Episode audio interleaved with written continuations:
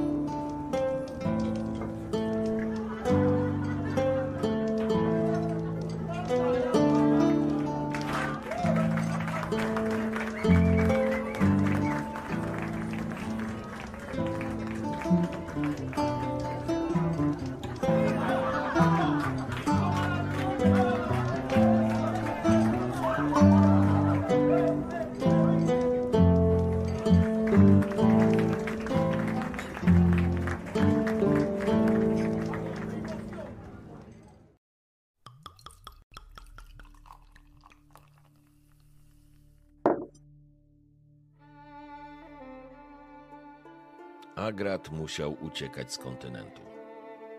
Uciekać przed własną historią. Ostatecznie dotarł do wsi Kopang na Art Skellig, która należała do klanu Drummond.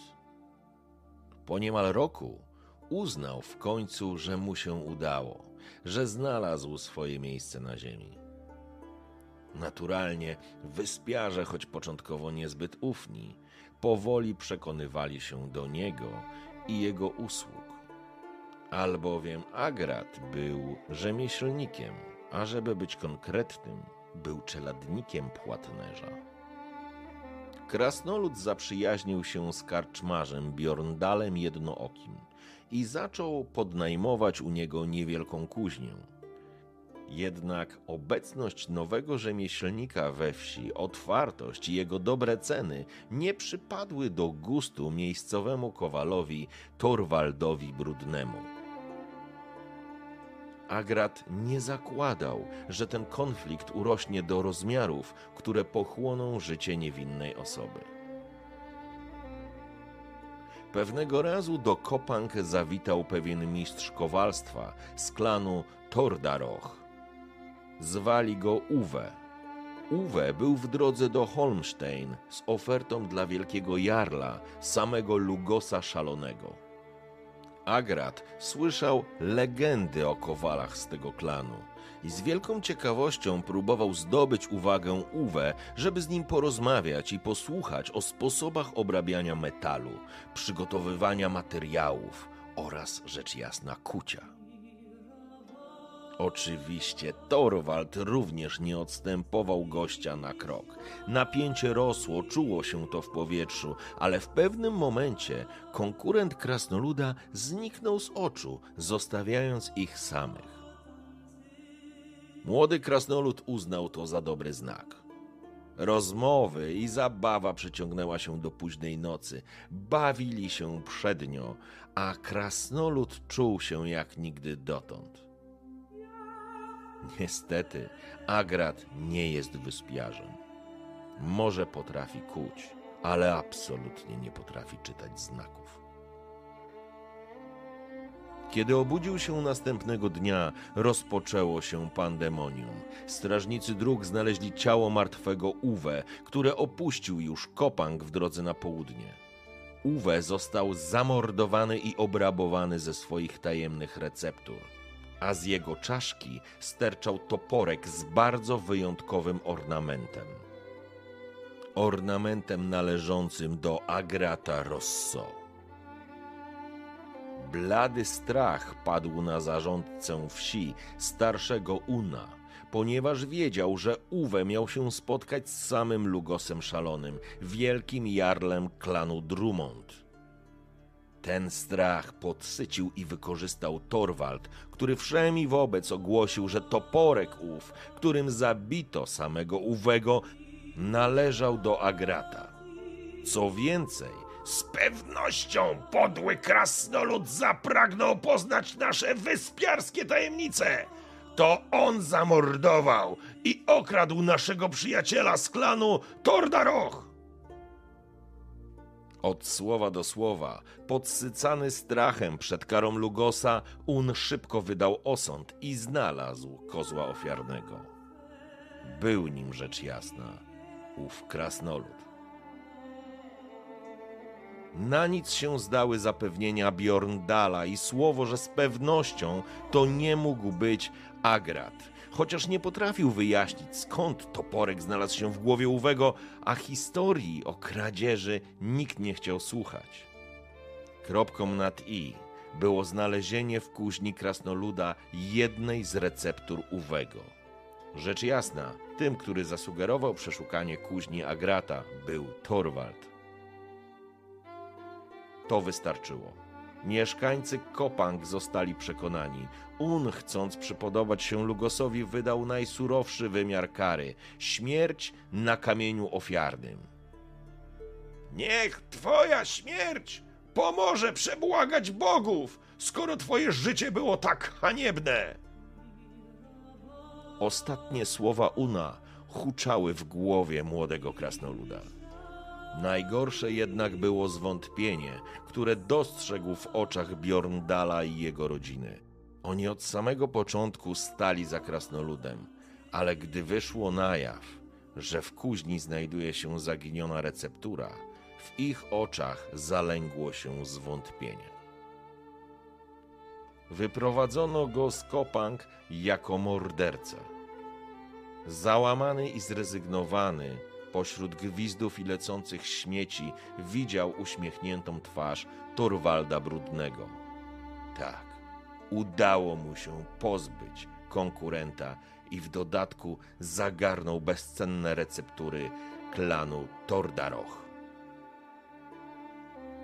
W głowie szumiało mu od złości i poczucia niesprawiedliwości, przez którą już raz musiał uciekać. Teraz ponownie stare przyjaciółki upomniały się o niego. I to w momencie, kiedy wydawało mu się, że życie zaczyna się układać. Dosyć! Na bogów jesteś krasnoludem! A teraz ukradziono cię z najważniejszego, z poczucia godności i honoru. Nie godzi się, tak się nie godzi. Czas wziąć sprawy w swoje ręce i rozliczyć się z Torwaldem. Udowodnić Bjorndalowi, że nie pomylił się co do ciebie. A gdy wszystko się uda, oddasz receptury prawowitym właścicielom na Undwik. Te myśli dodawały mu otuchy i dawały pewną nadzieję. Teraz jednak słyszał tylko szum fal i dźwięk obijających się wioseł w dulkach. Jego ciało podskakiwało, kiedy łódź przecinała fale. Dopłynęli do kamienia ofiarnego, a wyspiarze zapieli mu żelazne obejmy na ręce i nogi. Świat przed nim falował w rytmie skeligijskich fal.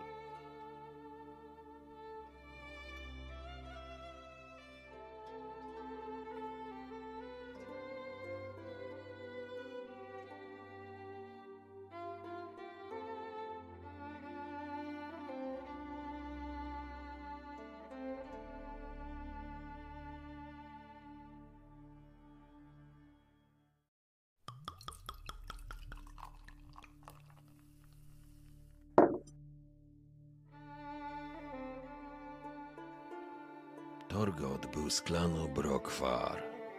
Był potomkiem tych, co wyemigrowali ze Speaker Rock na Art Skellig. Pomagał rodzicom prowadzić karczmę w Langsele na ziemiach klanu Drummond. Karczmę, którą założył jeszcze w starych czasach jego dziad. Nigdy nie miał lekko ponieważ Brokwar nie są darzeni szacunkiem przez klan Drummond. Ale jakoś się układało. I nawet mieszkańcy powoli zaczęli zapominać, skąd pochodziła rodzina. Przecież to swoi, prowadzą karczmy od lat, mówili. Wszystko się gwałtownie zmieniło w 1250 roku, kiedy Torgot miał sześć lat. Do karczmy przybył dziwny człowiek o kocich oczach. Był gwałtowny i nieokrzesany. Gdy ojciec Torgota próbował go wyrzucić, doszło do rzezi. Ów człek wpadł w szał i wymordował rodzinę i kilku gości.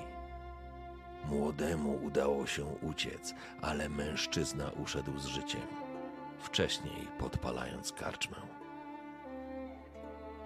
Torgot pamiętał, jak ten dziwny człowiek o kocich oczach śmiał się w głos i wyzywał mieszkańców Langzele od tchórzy. Nikt mu nie stanął, a jego powstrzymał miejscowy kowal, Gudmund. Mężczyzna wziął go pod swoją opiekę i wychował. Torgot pomagał mu w pracy, ponieważ Freja nie dała Kowalowi syna. Dlatego to właśnie Torgot przejął jego obowiązki. Gudmund miał jeszcze córkę, Ingrid, która była młodsza od Torgota o cztery lata. Sam ją wychowywał, bo żona zmarła w połogu. Lata mijały. Młodzian wyrósł i zajmował się polowaniem i tropieniem. Pomagał w warsztacie i prowadzeniu gospodarstwa. Ingrid wyrosła na piękną kobietę i Torgot nie potrafił odkleić od niej oczu. Młodzieńcza fascynacja przeradzała się w coś mocniejszego, co pozwalało młodemu planować i układać sobie przyszłość. Chciał zbudować rodzinę na zgliszczach własnego życia. Gudmund jasno i wyraźnie wyznaczał ramy i nigdy nie przestał tłumaczyć, żeby Torgot zapomniał o przeszłości, ponieważ bogowie chcą dla niego zupełnie innego losu. zwykł mawiać. I wtedy życie skomplikowało się ponownie. Okazało się, że synowi starszego wioski, Sigurdowi Andrumond, wpadła w oko Ingrid. To podgrzało jeszcze bardziej i tak gorącą już atmosferę. Sigurd nigdy nie odmówił sobie szansy na ubliżenie Torgutowi, na wyzwiska, na wytykanie pochodzenia i na pokazanie mu, gdzie jest cholerne miejsce tchórzy. Człowiek, któremu nigdy nic nie brakowało, nie tolerował sprzeciwu. A Ingrid się sprzeciwiła.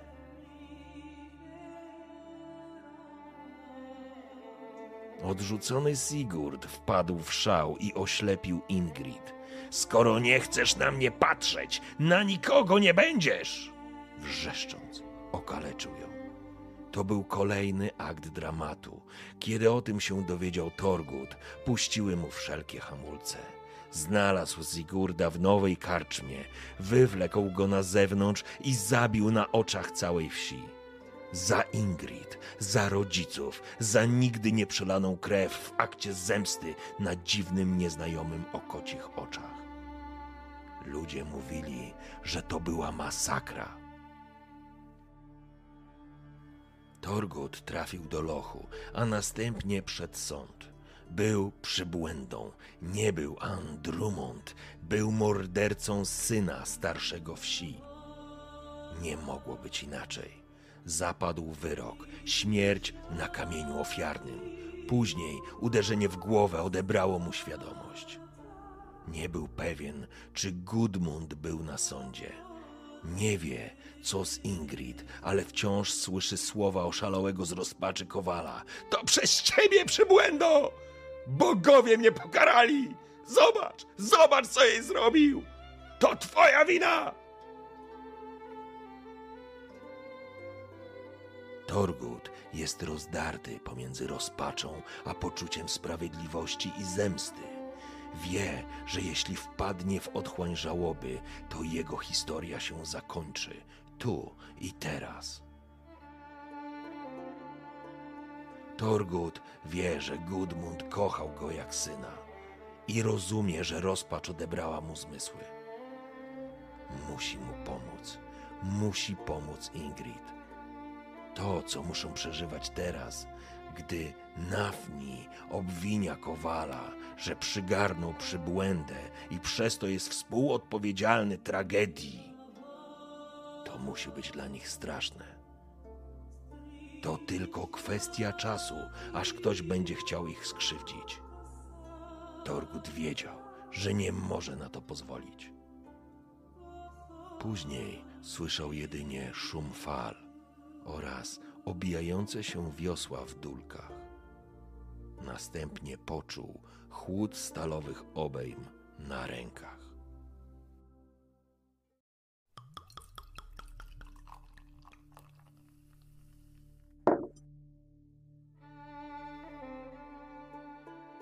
Widar obudził się kilka miesięcy temu. Nie pamiętał nic ze swojej przeszłości. Jego pamięć płatała mu figle i raz po raz przepuszczała coś do świadomości.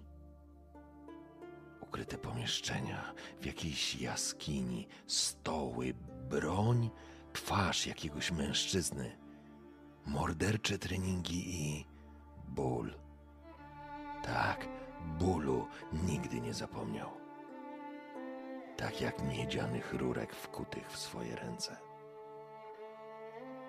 Miał wrażenie, że jego umysł walczy i stara się przypomnieć, kim jest. Kawałek po kawałku. Aktywatorem mogło być absolutnie cokolwiek. Podobno znaleziono go na wodzie, uczepionego jakiegoś kawałka drewna. Wyłowili go ludzie z klanu Dimun Alf Andy Moon powtarzał mu w kółko, że go wyłowił, ale Widar wiedział, że coś nie gra. Szybko okazało się, że jest cholernie dobrym wojownikiem, a że nie pamiętał, kim był, zajął się tym, co wychodziło mu najlepiej walką. Wiedział, że jest mutantem. Wiedział, że potrafi walczyć jak mało kto. Jest szybszy, silniejszy, wytrzymalszy od zwykłych ludzi. Jest bronią. I choć nie wie dlaczego, to z pewnością ktoś go trenował i ktoś zmienił go bezpowrotnie w to, czym jest teraz. Alf zrozumiał, że Widar będzie jego złotą kurą, która znosi złote jajka. Pozwolił mu dojść do siebie. Po tym jak na wpółprzytomny pokonał obsadę jego statku. Alf zrozumiał, że zamiast Okej, trafiłem. Dobra jest. Jest. Dobry wieczór, witamy wszystkich bardzo, bardzo serdecznie. Ja jestem Karczmasz, jesteście w Karczmie. Dzisiaj jest kolejna sesja gry fabularnej osadzonej w Wiedźminie. A ze mną fantastyczni gracze, którzy powoli, ale nieustannie zbliżają się do końca naszego pierwszego sezonu. I dzisiaj oni oczywiście będą dalej wspinać się na szczyt Modolfa. Witam wszystkich, którzy dotarli i będą wam kibicować. Jeżeli jest e, Egon albo Aga, e, to będę prosił o przygotowanie ankiet, a tymczasem e, oddam głos. Teraz może w tym tygodniu zacznie Soul z dołu będzie? Coś powiedz sobie, przywitaj się, przedstaw. Jezu, a ja taki dopiero co obudzony. No ja wiem. No, muszę takie się życie. przyznać, że odsypiałem trochę noc, w którą nie spałem i mnie chłopaki tutaj obudzili telefonem na Messengerze, tak więc witam wszystkim. Ja jestem Janek, e, Soushibo, Jan Znikon w naszej sesji RPGowej. Chyba nie muszę przypominać, że moja postać e, bardziej licznie. Przepraszam, czy tylko ja słyszę są e, elektronicznie, czy wy również? Powiedzcie wy, że wy również. Nie mówcie, że mamy znowu ten sam problem.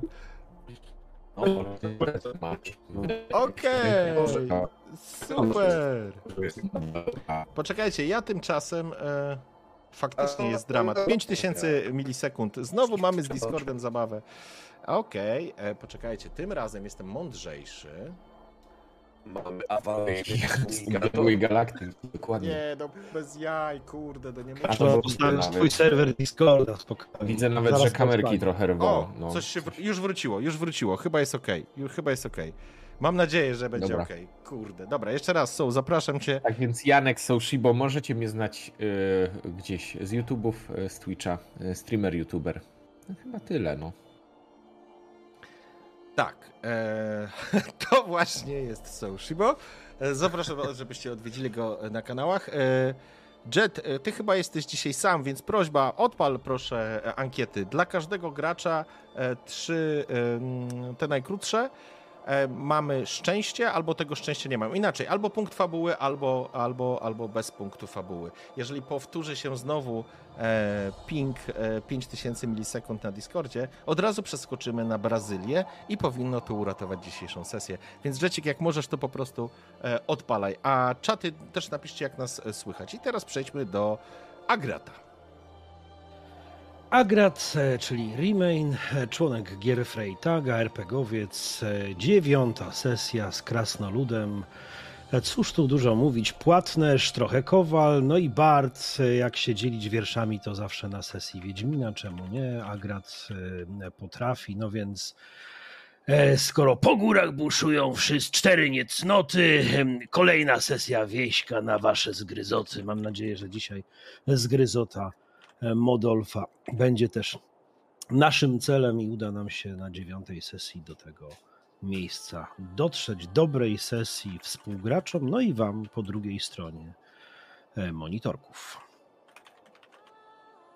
Dziękuję pięknie w takim razie i e, chyba poszła już pierwsza ankieta dla Agrata. Punkt fabuły lub brak punktu fabuły. Zapraszam wszystkich, którzy są na YouTubie, wbijcie na chwileczkę na Twitcha, zostawcie swój głos i zobaczymy, e, co to będzie oznaczać. Punkt fabuły daje automatyczny sukces, to znaczy, że gracz może powiedzieć, że używa tego i będzie miał i będzie miał automatyczny sukces. Może to później przerzucić, e, może to mm, mu pomóc w realizacji różnego rodzaju działań. I teraz przejdźmy do Widara na przykład. W porządku. E, no cóż, Widar, kto wie, ten wie, kim jest. Kto nie wie, to mu powiem, że Widar jest to postać, e, która jest Wiedźminem, ale takim nie do końca, ponieważ Wiedźminem dopiero stać się musi. Pół drogi chyba za nim, ale zobaczymy, jak to się skończy. E, no a, no a tak, no a do tego okazuje się być zaginionym synem Jarla, czego nie pamięta oczywiście, gdyż wyprano mu pamięć. E, Ja jestem Drwal Rębajło. Kto mnie kojarzy z internetów, ten kojarzy. Na YouTubie z, z filmowania, na Twitchu ze streamowania. Ostatnio mnie trochę mniej, tak naprawdę to prawie wcale, ale y, to choróbsko mnie dorwało, więc trzeba było jakoś niestety swoje od, czy odchorować. Tak, to już jest. Na szczęście usi i brodaci są chyba długowieczni, bo jeszcze tu jestem. Zdrowie. Okej, dziękuję pięknie. W takim razie Drwala Rembaju, oczywiście do znalezienia. Wcześniej Agrat jako Remain z RPG, ale również członek ekipy gry Freitaga. I teraz Wagon zamyka naszą stawkę. Cześć, witam serdecznie wszystkich. Jestem Wagon, jak już karczmasz powiedział.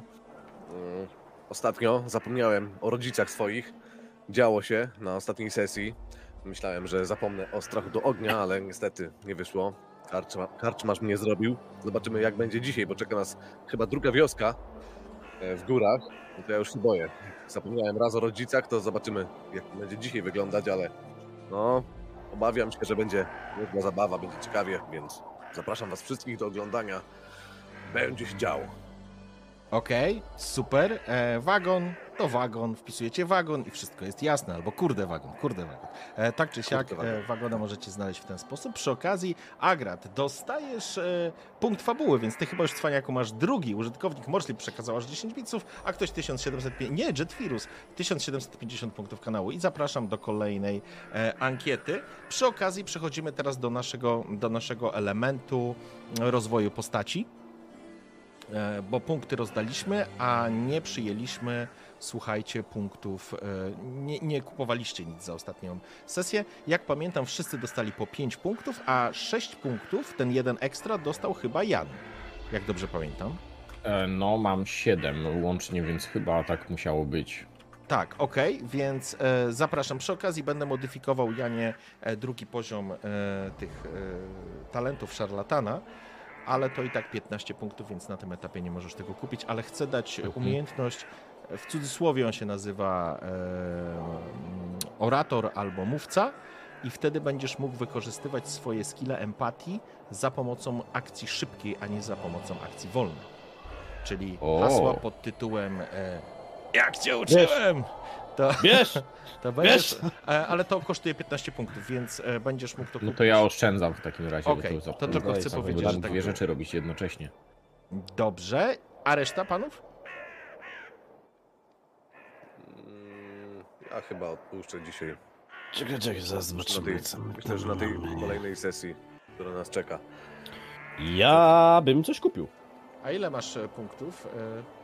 No właśnie, miałem podliczyć, czy jakieś z nimi niezależne są, ale no na razie widzę, że mam 7. Czy mogę coś kupić za 7 punktów? Za 7 punktów możesz kupić e, jedną, e, jeden punkt umiejętności. Ja chcę kupić y, wolę. Dobrze, w porządku. To sobie zakup. No tak, to ci się przyda, zdecydowanie. Zdecydowanie tak.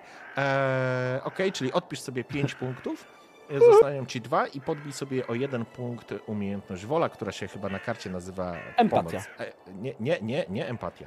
Empatia jest cechą. Cechy nie podbijasz, mój drogi. Dobrze, a, dobrze, e, dobrze. Pierwszą pomoc.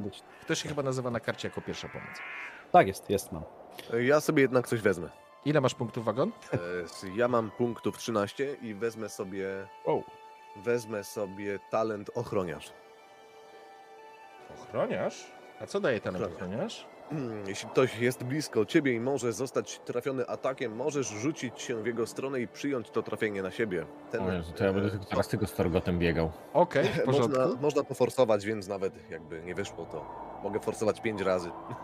nie, no Będzie pięć Torgocie razem, tak jak ćwiczyliśmy. ale jak ćwiczyliśmy W Torgocie. porządku. Torgocie, zapisz sobie ten talent e, Tak, i odpisz sobie 10 e, punktów e, doświadczenia. Dobra. Przy okazji Widear e, bez punktu. Grey Wolf przekazał 5000 punktów kanału na brak punktu. Człowiekowi zaszedłeś za skórę. Nie wiem jak, ale niestety nasz Wiedźmin nie jest e, szczęśliwcem w dzisiejszej sesji. Nie dostajesz punktu fabuły na dzisiejszą sesję. Zapraszam. Jeżeli kiedyś oślepi ciebie blask słońca, to nie jest blask słońca, to jest mój blask. Okej. Eee, Czyli tak, Torgot kupił, Jan e, Kitra, Widar kupił, a ty Agrat? A ja też się wstrzymam na finał. Okej. Dobra, w porządku. Dajcie mi tylko znać, Ale czatu, właśnie, czy- przecież ja się no. wstrzymuję. Jak ja mam 7 punktów, dostanę 5, to w życiu nie wykupię, nawet na finale. No, Mm, Ale kto wie, czy to finał, może nas tylko karczmasz nabiera, może będzie jeszcze finał finałów. może będzie drugi finał. Tak, może będzie. Znaczy, będzie na pewno planowany drugi i kolejny sezon, ale faktycznie już 1 grudnia będziemy musieli domknąć pierwszy sezon, więc jesteśmy na przedostatniej sesji tego sezonu. Jeżeli nie planujesz opuścić drużyny, teraz to jest taki przekaz podprogowy, taki, to, jest taka manipula, taka totalna manipula przy ludziach. So, jeżeli na przykład zdecydowałbyś się nas opuścić, to faktycznie lepiej, żebyś kupił teraz. Z drugiej strony, jeżeli planujesz grę w drugim sezonie, a to O akurat ty. jeszcze świństwo O. ci robię, stary, bo akurat twoja ankieta leci, więc zdecyduj się, co mówisz, bo O, ludzie o, o, o właśnie. Opuści czy nie opuści? Także leci teraz ankieta dla Jana. E, także pomyśl, nie, zupełnie szczerze. e, Janek, jeżeli chcesz, to faktycznie kup, bo e, jeżeli to będzie finał w przyszłym tygodniu, to, to nie kupisz tego, nie? To znaczy na... Mhm. Masz nie, nie, siedem, to, to ja nie, sobie nie. zachowam. Kto wie, co się jeszcze wydarzy. Okej, A może będzie można więcej punktów doświadczenia zdobyć, bo coś się wydarzy okej. takiego. No Coś się dobrze. zdarzy. Okej, w porządku. Słuchajcie, to, e, to w takim razie wy kitracie te punkty. Jedna rzecz informacyjnie chciałbym powiedzieć, bo to uciekło mi na ostatniej sesji. Torgocie, pozbawiłeś się na ostatniej sesji wspomnień o swoich rodzicach, swojego szczęśliwego wspomnienia. Proszę, żebyś na stałe obniżył sobie jeden punkt empatii. To jest twoja Okej. cecha. Ja mam takie coś w ogóle. Masz, jedna z czterech Empatia. cech. Jak to się nazywa? Czekaj, gdzie to jest? To się nazywa empatia. Masz siłę, zręczność, spryt chyba i empatię. A, na dole, dobra, widzę. Ojej, tak mnie porobiłeś. Może być.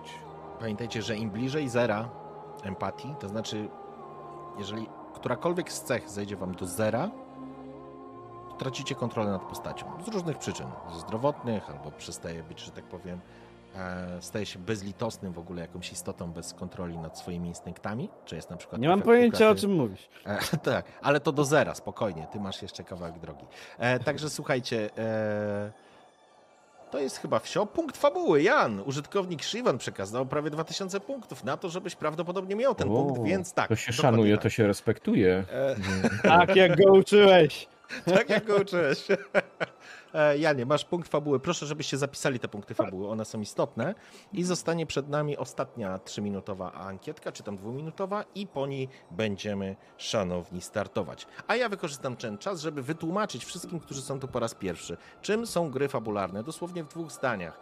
Gry fabularne to tak naprawdę gry wyobraźni. Gramy w klasyczne RPG, w którym ja, jako mistrz gry, odpowiadam za świat przedstawiony, w którym funkcjonują nasi bohaterowie, czyli szanowni goście. Goście, którzy odgrywają swoich bohaterów, różnią się tym od, od aktorów, że nie grają zgodnie ze scenariuszem, grają zgodnie ze swoją postacią. Ich zadaniem jest ożywić tą postać, spowodować, że będzie czymś więcej niż kartką papieru albo kilkoma bitami danych.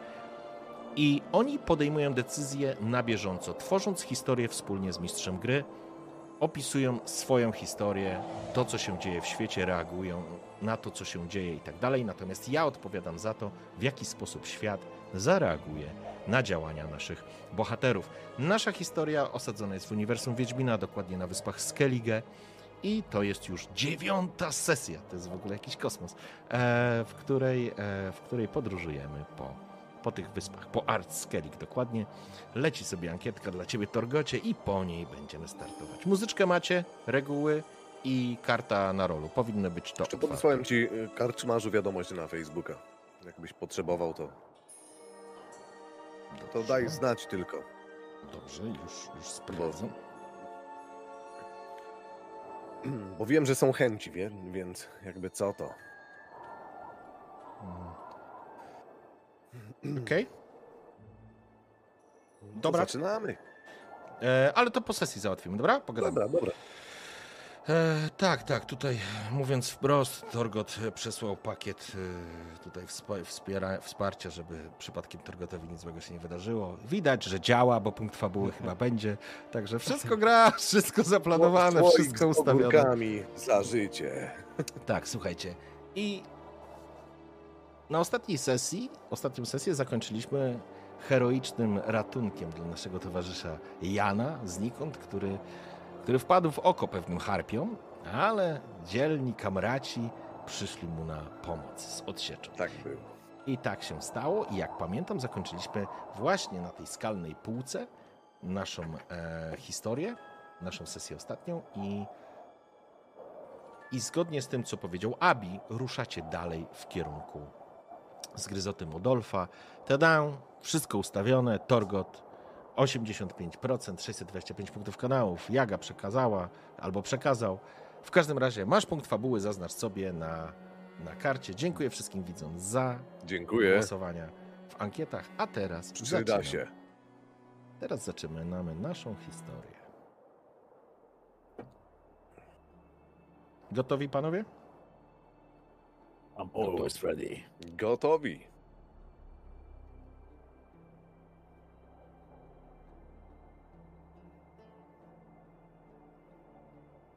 Okej.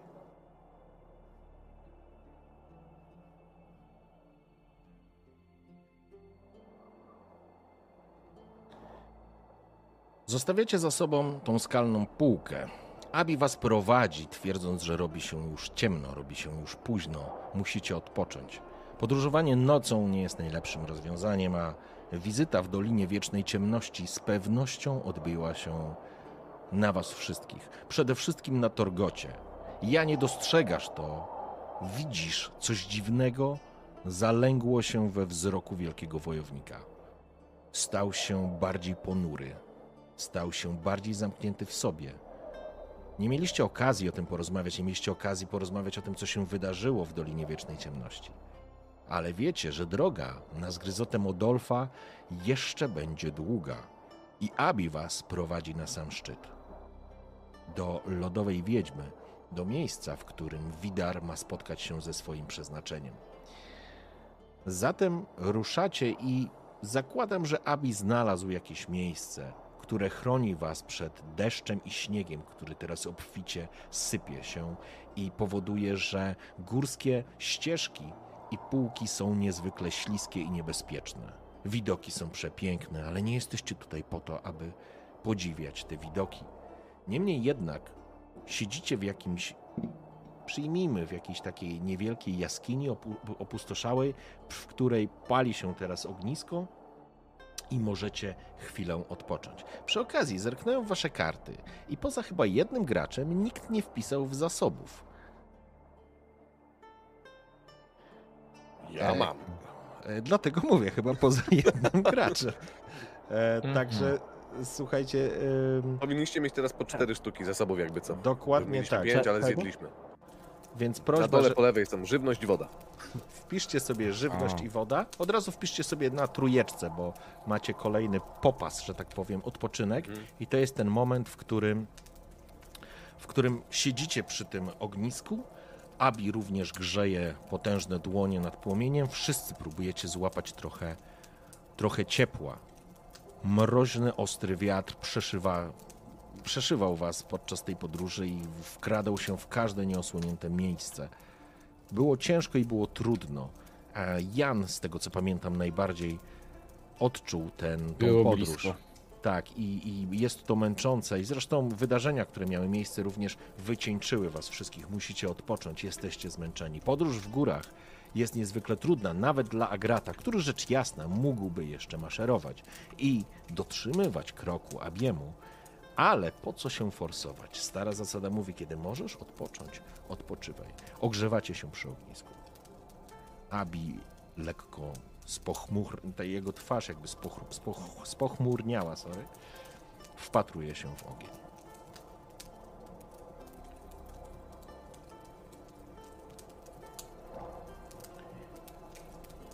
Mieliśmy dużo szczęścia. I nie mówi o harpiach. Chociaż spogląda się na Jana. mogło się skończyć różnie. Przed nami jeszcze długa droga. Kolejny etap to jaskinia ciszy. Służki wiedźmy lodowej. Ciekawe istoty spotkacie. Odpocznijcie. Możemy się zmieniać. Noc w górach niekoniecznie musi być bezpieczna, ale może bogowie będą nam sprzyjać. Przed nami kamienny las, a później jaskinia ciszy. Odpocznijcie. Torgot, e, zagryzając kawałek mięsa, popijając z wodą, rozgląda się po swoich towarzyszach, pamięta, co się wydarzyło.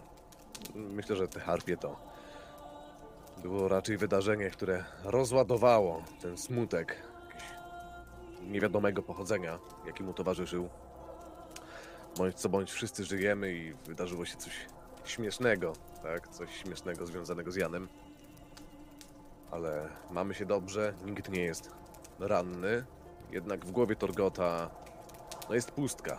Okazało się, że to, o czym nie pamięta, o czym nawet nie wie, że tego nie pamięta, e, no, podziałało troszeczkę szerzej, bo okazało się, że wiele decyzji, wiele różnych wydarzeń w życiu Torgota opartych było właśnie o jakiś, jakąś pamięć, o rodzicach, o tamto wydarzenie z jego dawnych lat, z jego dzieciństwa. I przez to czuje się teraz niekompletny, niepełny, jakby wybrakowany. Bardzo mu to ciąży i to nie jest chyba dobry moment, by iść spać. Panowie, może ja pierwszy obejmę wartę. Prześpijcie się. Jan, zwłaszcza ty. Myślę, że pośmialiśmy się troszkę, ale Przydałoby ci się troszeczkę od tego odpocząć. Nikt nie wie, co nas spotka następnego dnia. Jakby Może już nie echo tak śmiesznie. Do tego, jakby kontrapunkt do tego, co powiedział Torgot, gdzieś wśród dolin i ścian, górskich ścian odbija się pojedyncze zaciąganie i wycie wilków dosyć daleko. Abi również spojrzał jakby takim zwierzęcym ruchem natychmiast w stronę tego wycia, ale czujecie się absolutnie bezpiecznie. Jesteście wysoko i daleko. Widar również jesteś w stanie określić, że odległość jest daleka. Jest to raczej element tła.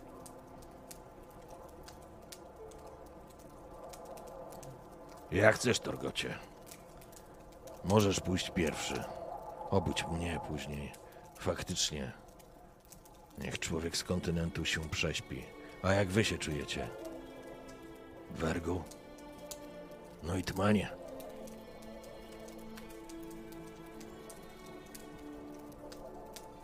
Pytasz, jak się czuję? Jak się mam czuć? Myślę cały czas o tym, co mówisz, co nas czeka. Bo to, co za nami, już nie wróci, a to, co przed nami, arcyciekawe jest. I kiedy tak zamyślił się przez moment, czknęło mu się ostro i przypomniał sobie, że jeszcze całkiem niedawno walczył z kichnięciem na strychu. Abi, ty mi powiedz, czemu jaskinia, o której mówisz, nazywa się jaskinią ciszy. Bo się trochę obawiam, czy my tam cicho będziemy mogli się zachować tak w pełni. Abi podnosi głowę, tak jakby miał lekko opuszczoną ją. Spoglądał w płomień. Jaskinia ciszy, Dwergu. To miejsce.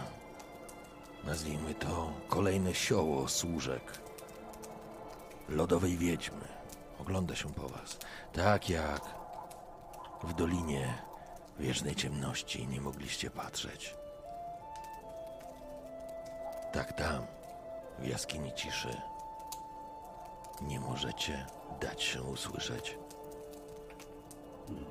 Dla niektórych z nas może to być problem, powiedział Widar, patrząc E, trochę z, takim, roz, z takimi promykami rozbawienia w oczach na Agrata i na Jana.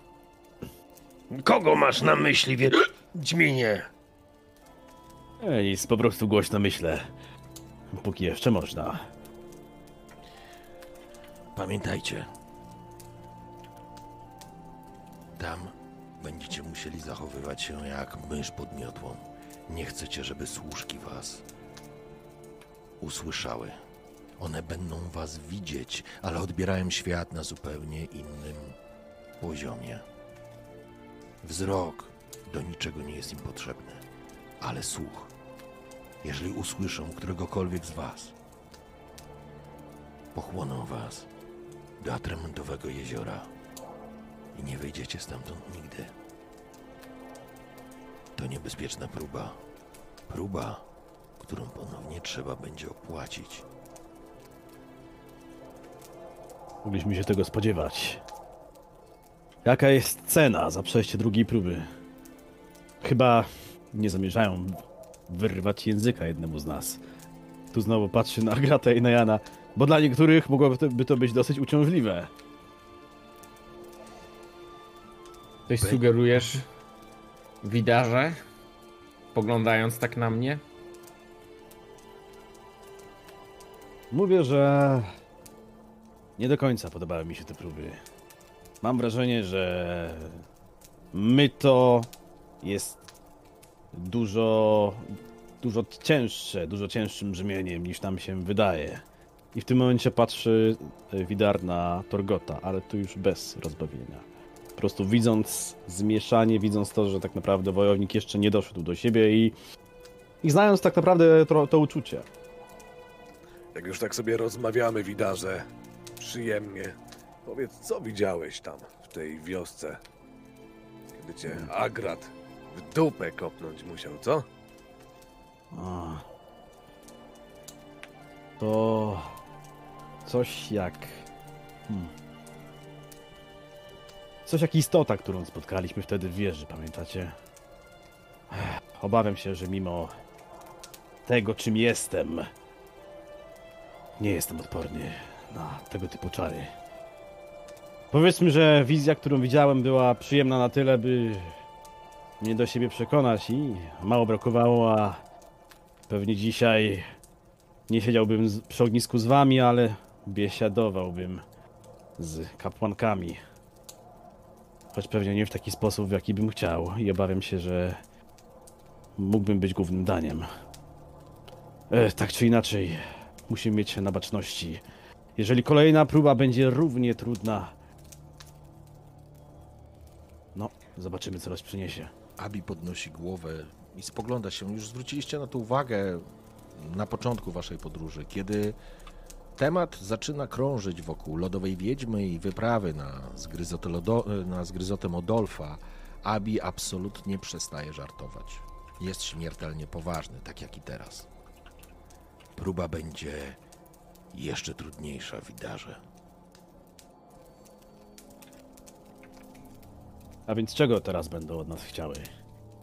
Co będziemy musieli poświęcić, żeby przejść przez grotę ciszy? Ja chętnie bym zapomniał tego widoku z gniazda. Harpi może i było zabawnie, ale boję się teraz położyć panowie. No, wisiały co najmniej do pasa. Ale co ja wam będę opowiadał?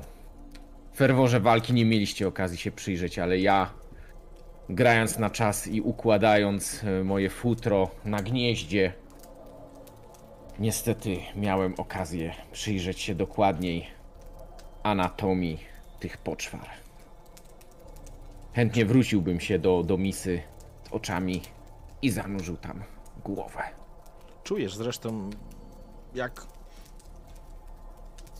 coś takiego bardzo nieprzyjemne, takie samo wspomnienie tego. Żarty żartami, ale dla ciebie, Janie, to nie było specjalnie zabawne, summa summarum. I, i czujesz nawet taki odruch wymiotny, który gdzieś ci, który próbujesz po prostu powstrzymać.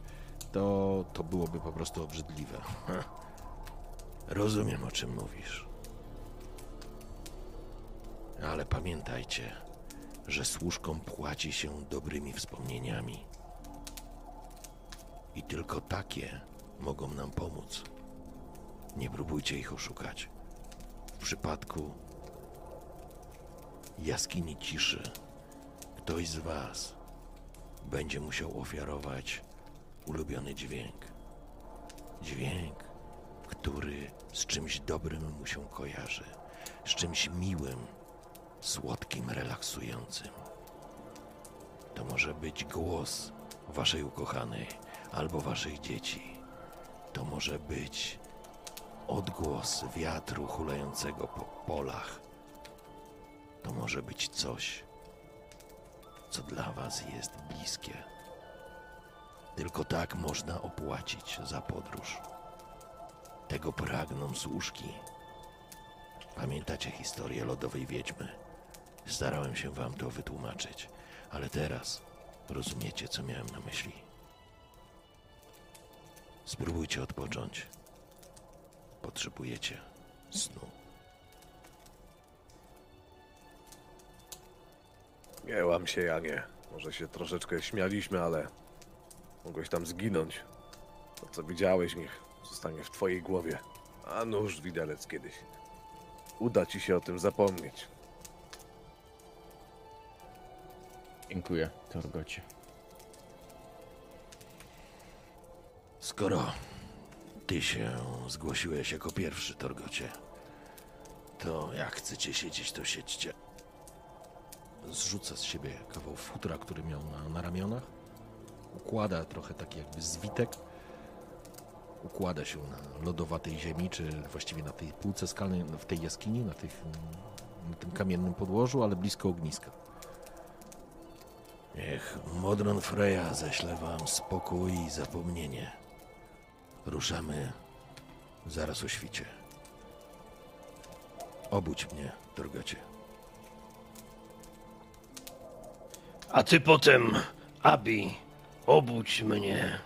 Jagrad obracając się do skały, odwraca się, mości się i gada jeszcze pod nosem. Ja nie dam rady, tak, ja. Ja nie dam rady być cicho. Będę cicho, choćby nie wiem co. Cicho będę tam. Nie wierzą.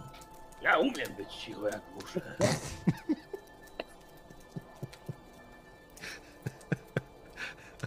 Myślę, że Abi parsknął gdzieś tam, już układając się na tym, na tym, na tym zawiniątku z futra. Nie tylko on. E, tak, e, chcecie e, coś jeszcze, że tak powiem, porozmawiać, czy idziecie spać? A czy wszyscy idą spać? Oprócz mnie? To jest wasza decyzja.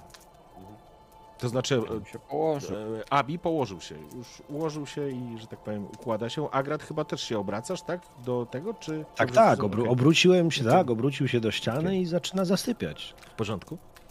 Ja na tym Cały swoim siedzisku, na, przecież. ja na swoim siedzisku, na którym jestem, umiejscowuję się tak, żeby widzieć jakby wejście do tego miejsca, gdzie się znajdujemy, żeby być w stanie kontrolować no, to, co za nami. Mhm. Okej. Więc Jan i Widar. Co z wami? No to widząc, że inni się już kładą, Widar y, nie położył się najpierw, ale przyklęknął, przysiadł w ten y, specyficzny bardzo dla, dla siebie sposób i, i zapadł w medytację.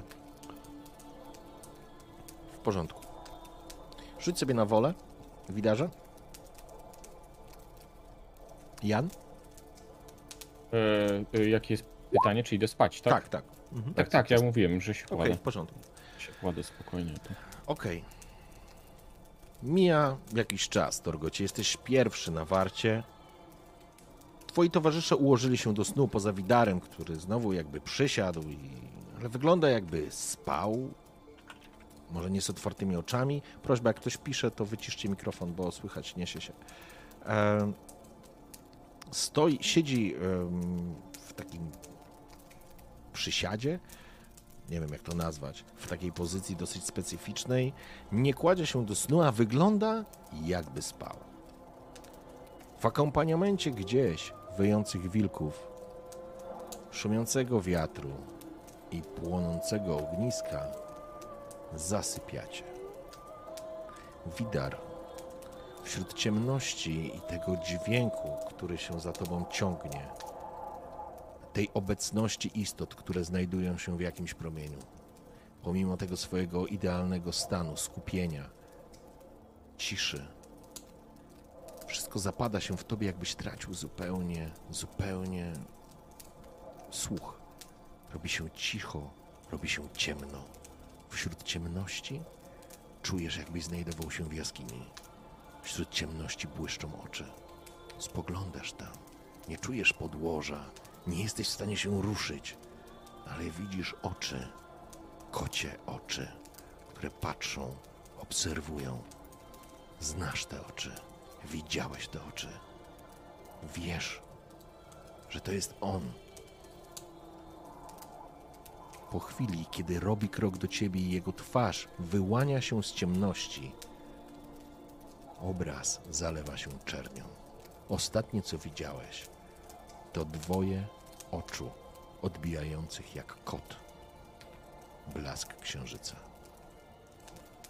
Torgot, spoglądasz w ciemność, przykucasz, łapiesz się za kolana, próbujesz się ogrzać. Ognisko nie jest duże, ale na tyle, ile możecie, daje wam ciepła. Wydarzenia dzisiejszego dnia trochę śmieszne, trochę straszne. Cały czas czujesz taką frustrację, taką irytację. Masz na końcu świadomości myśl, która mówi ci, że że coś, coś ważnego było, coś istotnego dla ciebie, Torgocie, coś, co określało ciebie, coś, co bud zbudowało ciebie. Torgota Anbrokwar zostało złożone na ołtarzu czego? Nie wiesz, nie pamiętasz. Wiesz, że było ważne, wiesz, że było istotne. Spoglądasz w ogień i w płomienie, które teraz są miłe, okiełznane, kont- podczas są kontrolowane przez was. Dają ciepło i poczucie bezpieczeństwa, dają światło. Ale znasz, znasz również inne płomienie. Wiesz, że w twojej historii odegrały one bardzo ważną rolę. Boisz się tego ognia, huczącego, nieokiełznanego, niekontrolowanego. Ale poza ogniem było coś jeszcze. Były kocie oczy, od których odbijały się płomienie. Ale nie rozumiesz, dlaczego to było ważne. Dla... Dlaczego? Frustracja irytacja rodzi się gdzieś tam z tyłu głowy. Nie potrafisz sobie przypomnieć rodziców. Nie wiesz, co straciłeś. I nagle Widar, otwierasz oczy. To jest ten moment, w którym Torgot również to dostrzegasz, jakby Widar się przebudził. Jest już ciemno. Ciągną się tylko chmury po niebie, które widzicie z, za- z kawałka, że tak powiem, tego, tej jaskini. Wider otworzył oczy, ale choć wokół siebie miał tak naprawdę przyjaciół, miał, miał ciepły ogień, miał, miał grotę, cały czas widział jeszcze scenę, której był przed chwilą świadkiem. Nikły okruch przeszłości, która została mu odebrana. Poczuł, że mimo iż wpadł w medytację, jego ciało jest spięte niczym cięciwa. Rozluźnił się, wziął oddech. Spojrzał na Torgota. Wstał i usiadł obok swojego towarzysza. No, Torgocie, jak tam warta? Cisza, spokój, widarze. Jaka Mara, powiedz, wybudziła cię. Ingi, zobacz. Śpią. Mary to wszystko, co mi zostało z tego, co kiedyś miałem. A wiem, że i ty swoje straciłeś. Czujesz się, jakbyś miał wiedzę, znał fakty, ale nie umiał ich połączyć z odpowiednimi punktami. Straciłeś swoje wspomnienie, Torgocie. Coś, co sprawiło, że jesteś tym, kim jesteś. I musisz z tym żyć. Ale uwierz mi, da się z tym żyć. Chociaż czasami możesz poczuć się zagubiony. A jak ty radzisz sobie z ostatnimi wydarzeniami? Wspomniałeś wcześniej o wydarzeniach z wieży, z ruin. Pamiętasz coś jeszcze z tamtego czasu? Pamiętasz o Harpi? Wiesz, że mogła być tutaj dzisiaj z nami. Wiem. I niewiele mogę zrobić. Poza próbą pomszczenia jej śmierci. Gdy tylko dowiem się, kto o tym wszystkim stał, a coś mi mówi, że ścieżka, którą podążamy, nie jest przypadkowa. Wiele się słyszy w karczmach i od obłąkanych mędrców o przeznaczeniu. Dziecko przeznaczenia, tak nazywają często Wiedźminów. Czymkolwiek jestem, mam wrażenie, że no kto wie, może jest w tym wszystkim jakiś głębszy sens. Ale masz rację, nie musiała zginąć. Musiała, nie musiała i Torgot w tym momencie wyciąga topór Harpy i lekko przykłada go do ognia, żeby zobaczyć odbijający się płomienie od, y, od ostrza tego topora, żeby podziwiać troszeczkę to, co wyrysował tam Agrat. Też kieruje ten topór tak troszeczkę w stronę Widara, żeby też go zobaczył, żeby zobaczył e, napisy, które na tym toporze widnieją. Mówisz o przeznaczeniu Widarze. A więc chyba właśnie to było jej przeznaczone. Kto wie, co jest nam. Możliwe. Może dowiemy się. Jutro, może pojutrze. Oj, czekają nas ciężkie czasy. Widar przygląda się toporowi, który Torg pokazał i widzi, że czego nie dostrzegł wcześniej, że Agrat wygrawerował tam pod imieniem Harpi, wygra- wygrawerował tam także runy mówiące o tym, o właśnie imię Torgota, że jest to topór Torgota, Anbrogvar.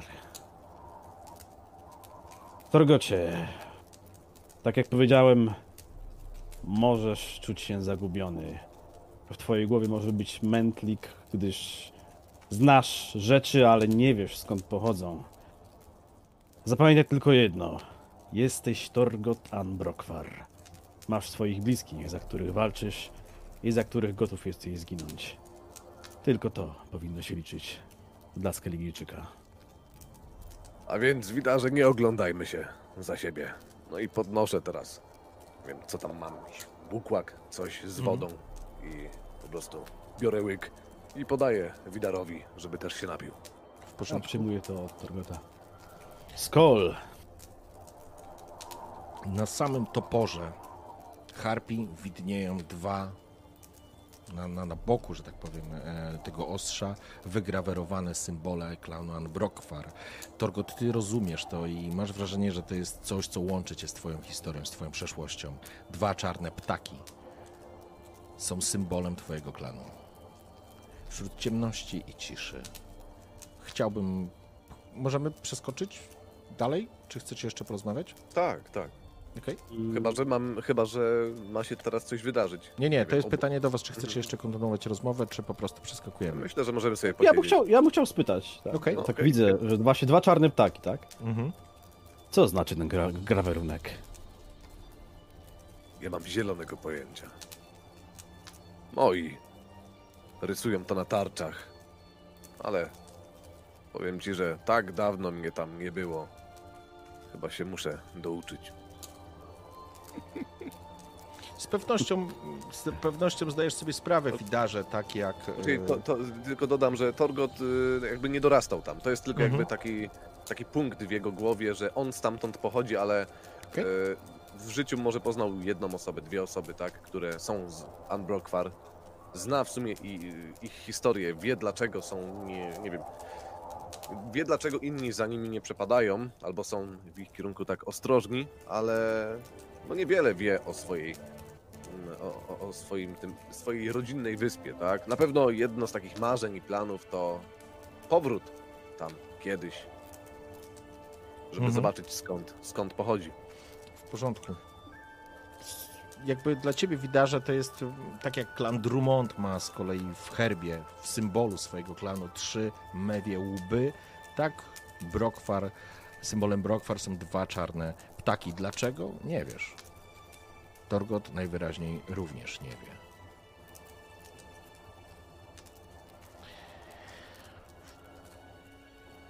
A, teraz my. Okej. W porządku, także Widar patrzy na ten znak i... Hmm, kto wie, Może ten znak to. To właśnie rodzina. W końcu ptaki są dwa. A z je... gdyby był jeden, byłoby ciężko. A ty znasz historię waszych oznaczeń? Nie. Ja mam inny znak, Torgocie. I w tym momencie Widar trochę tam odsuwa tam trochę swoją koszulę i pokazuje znamie, które ma na sobie, które mogło wcześniej śmignąć gdzieś tam jego towarzyszom, ale któremu nigdy nie mogli się dobrze przyjrzeć. Ten znak to tak blizna przypominająca trochę trzy, yy, trzy trójkąty. To nie jest blizna, na to siebie. jest znamie, na pewno to jest znamie. Znamie, tak. Mhm.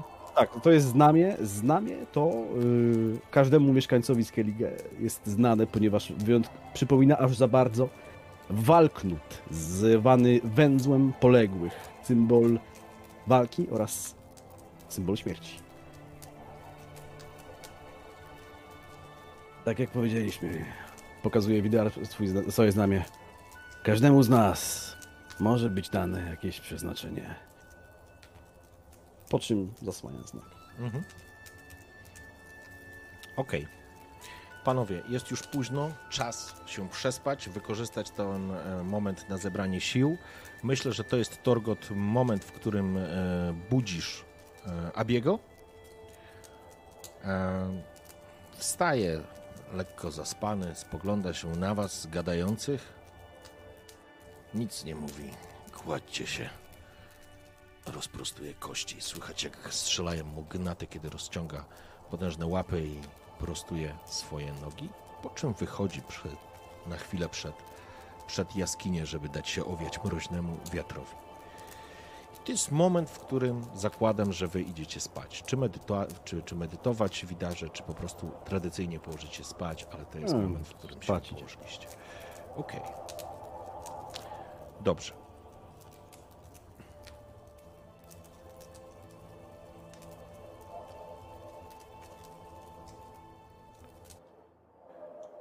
Obudziliście się o samym, kiedy, kiedy zaczęło świtać. Oczywiście Agrat zostałeś gdzieś w środku nocy obudzony przez e, Abiego e, z prośbą, żeby wszystkich postawić na nogi w momencie, kiedy wzejdzie słońce. Miałeś wrażenie, że dopiero co przed chwilą położyłeś, przyłożyłeś głowę do, do, do, do koca czy do jakiegoś zawiniątka. Jeżeli chciałbyś coś przygotować sobie, podłubać przez ten czas warty, to możesz coś spróbować zrobić. Nie wiem, jak wyglądasz z zasobami, czy coś chciałbyś pogrzebać, czy nie. Em, to jest pytanie. Zasobów mam pięć, ale nie, nie robię żadnych e, rzeczy związanych z, z pancerzem czy z bronią. Miałem sen. Jeszcze nie wiem, czy, czy to będzie sen, którym podzielę się z towarzyszami. Niemniej jednak, kiedy obudzony w środku nocy, słyszałem tylko delikatne pochrapywania towarzyszy. Przysunąłem do siebie ten wielki wór różnych rzeczy, jak najciszej potrafiłem i zacząłem grzebać gdzieś tam z drobnych metalowych y, kawałków. Coś, co może się przydać za chwilę, a może już, a może dopiero za kilka dni. Dłubałem coś, co można by powiedzieć e, było metalowe i dźwięczące tak, żeby zająć ręce i żeby nie zasnąć. Zastał mnie tym świt. W porządku. Okej. Panowie, skoro świt, Agrat postawił was na równe nogi. Szybko się zebraliście, Abi was troszeczkę popędzał. Nie było czasu na to, żeby biesiadować, zastanawiać się nad kierunkiem. Chciał wykorzystać trochę dobrej pogody. Przestało padać, przestało śnieżyć. Droga powinna być lepsza i sprawniejsza. Powinniście lepiej sobie w niej poradzić. Więc Abi nie mi trężył. Ogarnęliście szybko z cały Majdan, przerzuciliście coś, przerzuciliście swoje plecaki, torby przez, e, przez plecy, wrzuciliście coś na ząb i ruszyliście dalej w kierunku zgryzoty Modolfa, wielkiego, potężnego szczytu, który cały czas nad wami góruje. Idziecie już przełęczami, ścieżkami, górskimi traktami, zostawiając za sobą to, co się dzieje daleko, daleko na ziemi. Gdzieś tam, Agracie, pojawiają ci się wspomnienia Mahakamu, twojego Mahakamu. Czy Czy Freja pozwoli, żebyś jeszcze tam kiedyś zajrzał, odwiedził rodzinne strony? Gwiżdżący wiatr, chłód i mróz, który przeszywa całe wasze ciało i podróż. Podróż, którą cały czas pogania Abi. Abi zachowuje się, jakby goniło go stado demonów. Spieszy się, ale stara się was prowadzić ostrożnie. Nie wyobrażacie sobie tej drogi bez przewodnika. Kluczy i skręca, wiedząc dokąd idzie. Wskazuje wam zdradliwe zapadnie, obluzowane kamienie i śliskie momenty. Janie, to jest niemożliwe. Ty byś w życiu tutaj nie poszedł. Chciałbym, żebyście każdy z was rzucił sobie test kondycji. Jest to wasz drugi dzień podróży. Chciałbym, żebyście sobie rzucili minus jeden macie na kondycji. Kondycja to jest. Um, To jest... e, Kondycja, tak, no. na górze. Mhm. W porządku? Udało się. Wiecie, gdzie ja mam kondycję na górze? E, aha, Aha, właśnie. mam kondycję, okej, Poczekajcie, dobra. I od razu minus jeden? Tak, adrenalinę całościowo sobie zbijacie. Jeżeli macie punkty A, zdrowia dobra. nadszarpnięte, to również wracacie po tym, po, po, po tym, e, tym. Ja nie, e, bez adrenaliny proszę o rzut. A ja ściągnąłem adrenalinę. Czemu się rzuciło z adrenaliną? Nie wiem. Czekaj mi. Agrat elegancko. E, Wszyscy. No, pięknie, pięknie. Dobrze, Jan widział, e, Jan widział zwątpienie w oczach Abiego. On od razu się wyprostował, wypiął pierś i silnym krokiem ruszył dalej.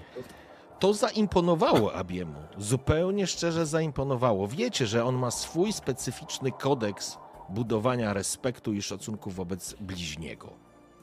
Kiedy spojrzał i, i w, myślę, że każdy z was zobaczył tego Jana, który dziarsko poderwał głowę i ruszył do przodu, Abi uśmiechnął się i skinął ci głową, po czym ruszyliście dalej. Droga, tak jak powiedziałem, męcząca i długa, ale radzicie sobie. Radzicie sobie, bo idziecie wszyscy. I w pewnym momencie tej waszej podróży dochodzicie do miejsca i ścieżki, które sprowadzają was w dół. Może nie na dolinę, tylko na taką przełęcz. Dostrzegacie, że na tej przełęczy jest cała masa kamieni i skał i takich form skalnych, które pną się ku górze. To są takie kolumny, maczugi, mniejsze, większe, ale jest tego bardzo dużo. A nad tą całą polaną, to znaczy polaną, nad tą przestrzenią unosi się gęsty opar. Dostrzegacie, że również na, tych, na, tych, e, na tej przestrzeni nie ma śniegu. Śnieg jakby został roztopiony. Zatrzymuje się Abi, także widzicie całą przestrzeń przed sobą, nad którą, wyobraźcie sobie, to jest taka jakby powiedzmy dolina, która jest między szczytami, między górami i nad nią unosi się taki parujący, jakby z gorących źródeł opar. Z pewnością, myślę, że Torgot, Widar, Ro- Agrat, e, myślę, że jesteście w stanie rozpoznać, czy to faktycznie jest przestrzeń, gdzie są e, gorące, muszą być źródła. Zatrzymuje się Abi i widzicie, wskazuje wam drogę. Kamienny las. Musimy przez niego przejść. Opar unoszący się nad skałami może być mylący. Musimy uważać. Jest, W jakim sensie mylący? można się zgubić w kamiennym lesie. Mgła, opar potrafi natychmiast rozbić orientację w terenie. Jeżeli zgęstnieje za bardzo, nienaturalnie, może, może będziemy mieli pecha wówczas i spotkamy złudniki, istoty, które będą chciały wyprowadzić nas na manowce. Idźmy w zwartym szeregu, jeden za drugim. A więc znów Lina. Tak proponuję. Już raz nam uratowała. I tu spojrzał na Wiedźmina. Dubsko. Myślę, że może uratować po raz drugi. w porządku. Jak chcecie, się do tego co pomysłu. chcecie zrobić? Złudniki. No, słyszałem o nich co nieco. Nie możemy polegać ani na swoim wzroku, ani na swoim głosie, bo mogą imitować to, co powiemy. Lina będzie oczywiście najlepszym wyjściem.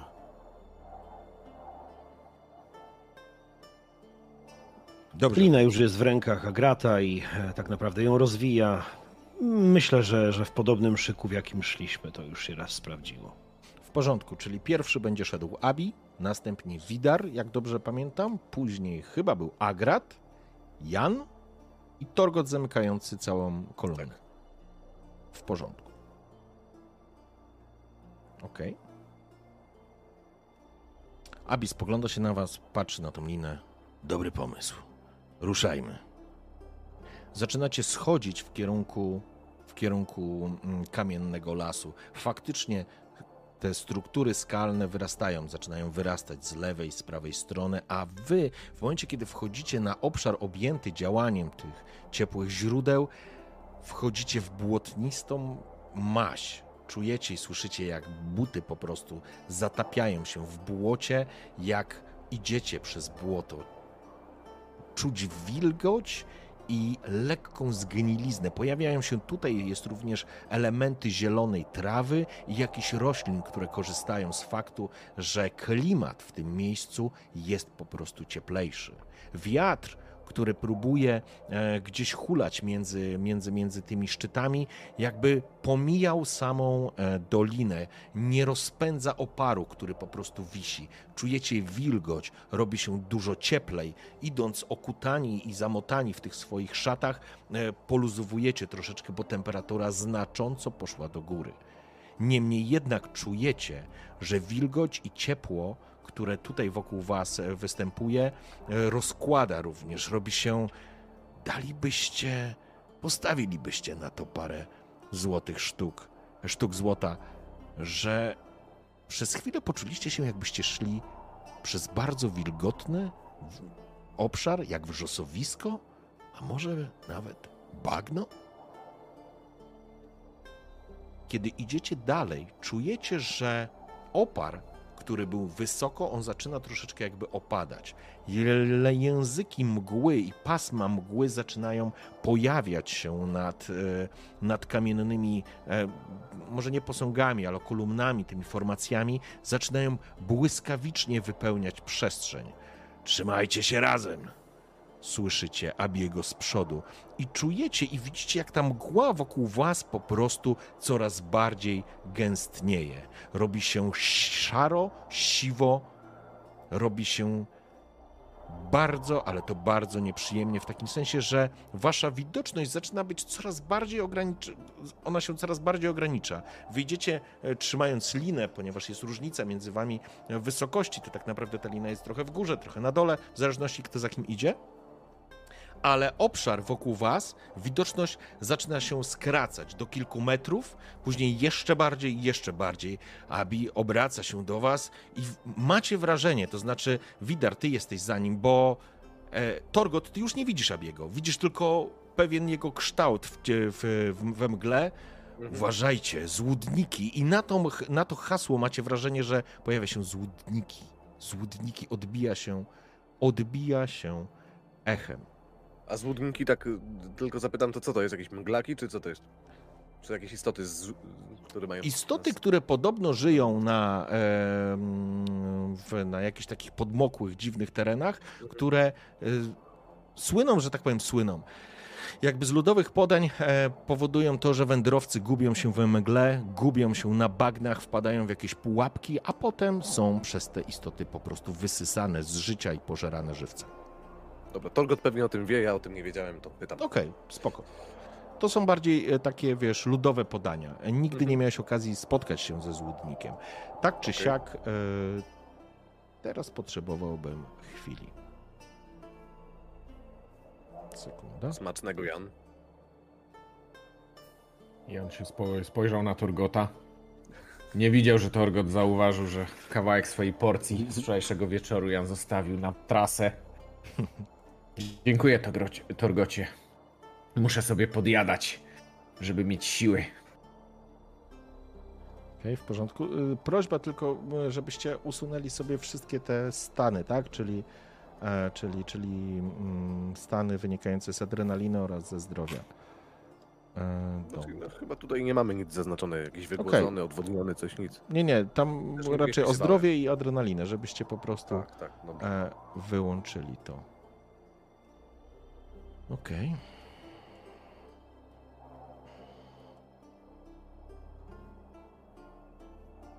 W porządku, dajcie mi chwileczkę.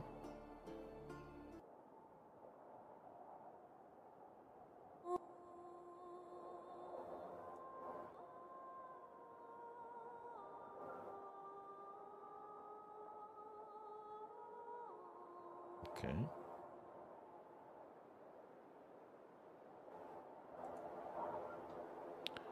Porządku.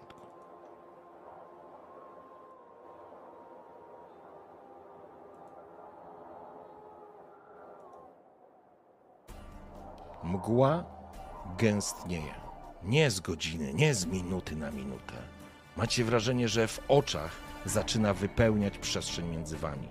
I kiedy po uprzedzeniu przez Abiego, żebyście uważali, jego głos rozniósł się przez mgłę w nienaturalny sposób, wydłużając dźwięki jego głosu.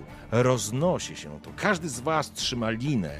Idziecie, słyszycie tak jak mlaszczą wasze buty w błocie. Ktoś potyka się, widzicie leżące kłody, jakieś gałęzie opustoszałe, e, to znaczy opuszczone, przepraszam, po jakichś, po jakichś drzewach czy krzewach. Widzicie te formacje skalne wokół was po prostu zaczynają wyrastać. Ktoś przeklnął, ktoś wpadł na kogoś. Czujesz, widarze, że o, uderzasz barkiem o jakiś kawałek e, kamiennego, kamiennej formacji. E, Agrat, potykasz się o jakiś kawałek drewna e, leżącego. Robi się bardzo dziwnie, to znaczy dziwnie, może nie dziwnie. Przestajecie widzieć odległość, tak naprawdę mgła zaczyna wypełniać, macie wrażenie, że wypełnia wam, e, wychodzi wam przed oczy do tego stopnia, że kiedy trzymacie linę, to wasze dłonie są elementem, który widzicie na linie. Ta lina jest po prostu jakby ciągnięta przez waszego towarzysza i po prostu przechodzicie dalej. Chciałbym, żeby każdy z was rzucił sobie spostrzegawczość.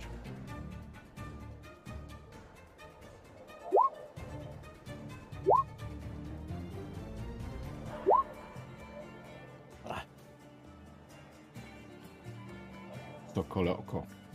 Dobrze, i jak wam poszło, powiedzcie, bo ja nie widzę. Zadziwiająco dużo widzimy w tej mgle. Wszyscy mamy sukces.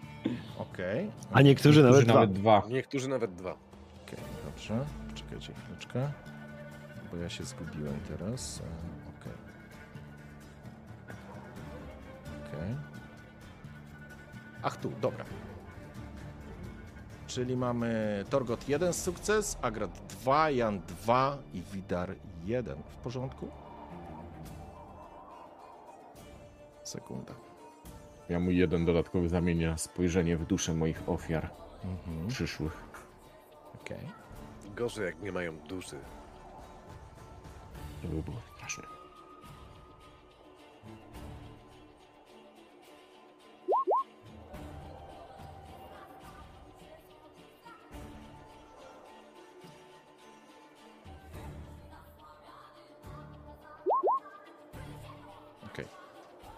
Dobrze.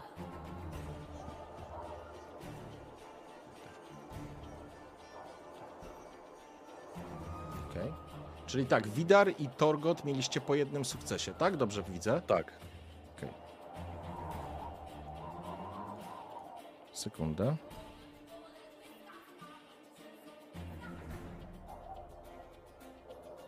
Już moment. Wybaczcie, że tyle to trwa, ale... Ale, ale... Łączcie przeciwmgielne pochodnie. Tak, tak, przeciw Dawaj, odpalaj. i Widar. Widar. A ty, Jan, ile miałeś? Też jeden, tak? E, Dwie, Dwa. dwie. A, Dwa. dwie miałeś, w porządku, spoko. Czyli... eksperta mówię. Okej. Dobrze, co się dzieje w takim razie? Słuchajcie, idziecie, ta lina cały czas, e, ta cały czas was, że tak powiem, prowadzi wśród tej ciemności, to znaczy w tej mgły, tego mlaskania, plaskania i w pewnym momencie zarówno... E,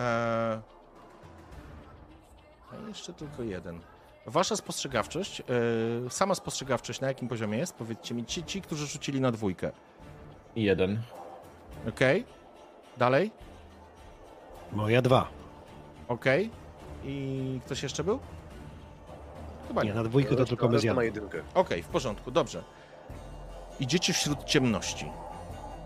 Tej mgły białej jak mleko, która prak praktycznie wypełnia waszą, e, waszą przestrzeń. Jedyne co czujecie, to czujecie siłę tego naprężenia tej liny, która jest właściwie jedynym łącznikiem z pozostałą częścią grupy. W pewnym momencie dźwięki, które z- wokół was się pojawiają, zaczynają być wydłużone, zaczynają zmieniać to wszystko.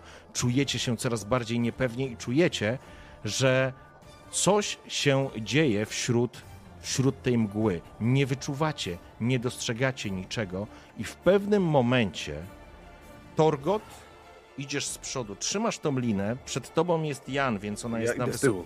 Tak, tak. Więc Jan idzie przed tobą, trzymając tą linę, i w pewnym momencie dostrzegasz Torgocie następującą sytuację. Masz wrażenie, że Jan jakby się zatrzymał, jakbyś na niego wpadł. Tak wiesz, po prostu wśród ciemności. Mhm. I wiesz, podnosisz oczy na niego, i wśród ciemności widzisz plecy Jana. Nagle dostrzegasz, to nie są plecy. Długie uszy rozłożone na, na, na szerokość, oczy świecące się żółtymi, żółtym blaskiem, rozpostarta paszcza z e, istoty, która wyłania się ze mgły, wrzasz, wrzeszcząc na ciebie, słyszysz, jak rzuca się w twoim kierunku. Dokładnie ta sama sytuacja. Widać, że idziesz, jesteś przekonany, że idziesz wciąż za Abim. Krok za krokiem. I w pewnym momencie dostrzegasz tylko, jak nagle z tego obłoku mgły pojawia się wykrzywiona, pomarszczona twarz pełna kłów o żółtych ślepiach, która wyrosła przed tobą właściwie z pleców Abiego i rzuca się w tym samym momencie na ciebie. Są to. Przejdźcie teraz proszę na stream, ja odpalę mapę.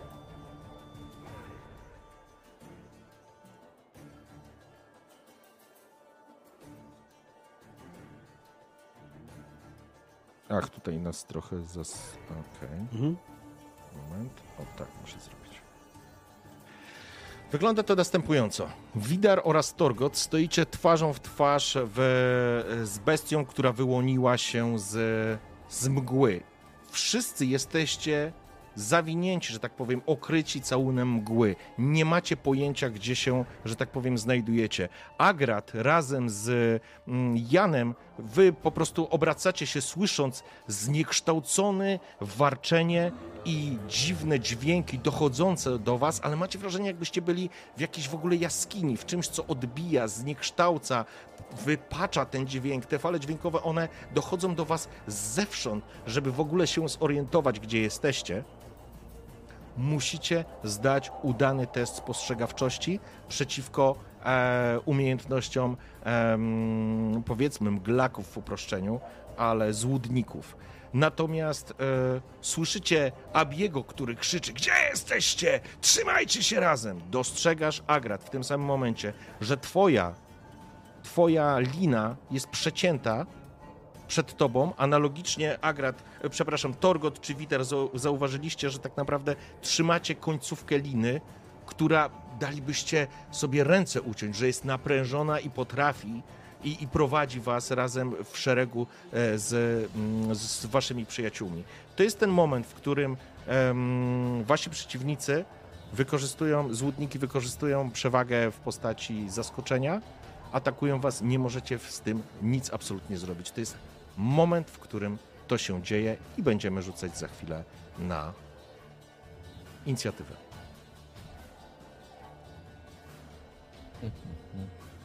Pierwszy Torgot i to jest Wider.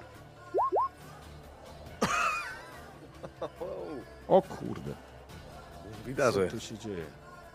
Czekajcie, co to jest? pok- Czemu aż cztery są rzucone? Tyle sukcesów. W sensie złudniki... Ale nie chodzi mi o cztery- czemu cztery złudniki aż ogarnęliśmy.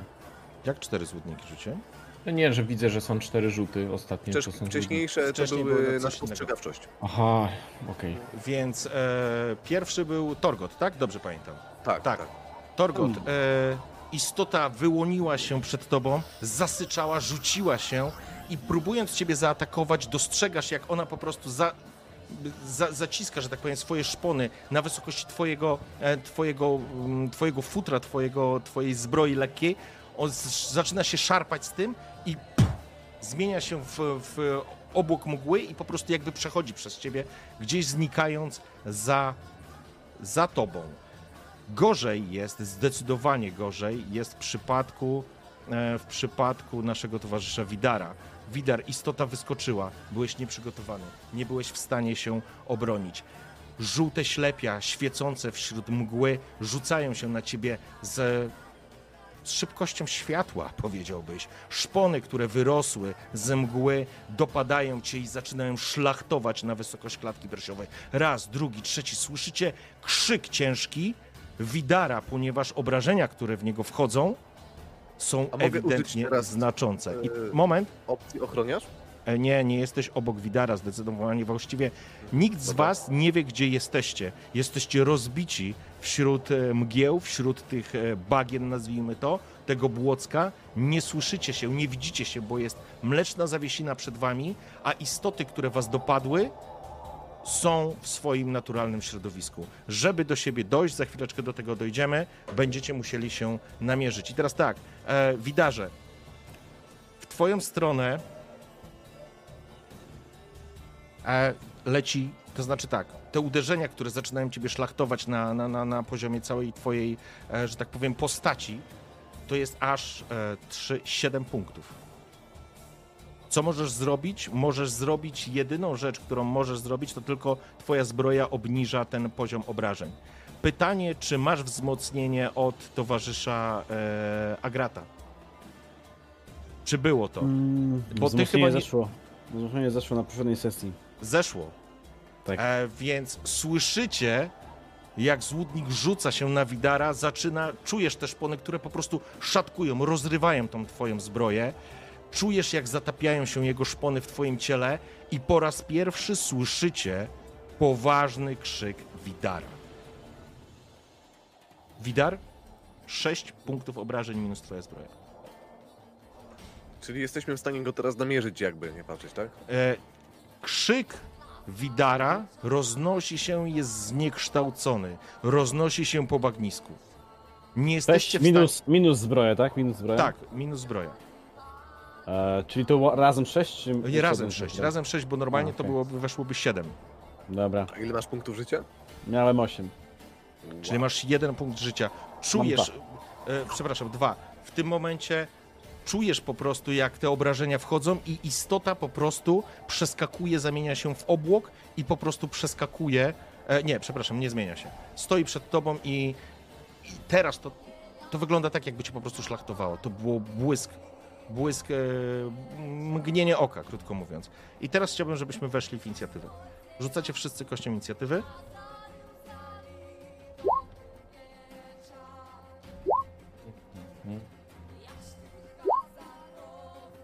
Nie, do, nie dodajemy nic do, do tej inicjatywy, nie? Tylko E, tyle, żeby... nie, rzucacie, a później dodajecie Dobra. wartość e, swojej zręczności. O, 7. Rzucacie kość inicjatywy. No to ja jestem pierwszy, mam 12. Poczekaj. Okej.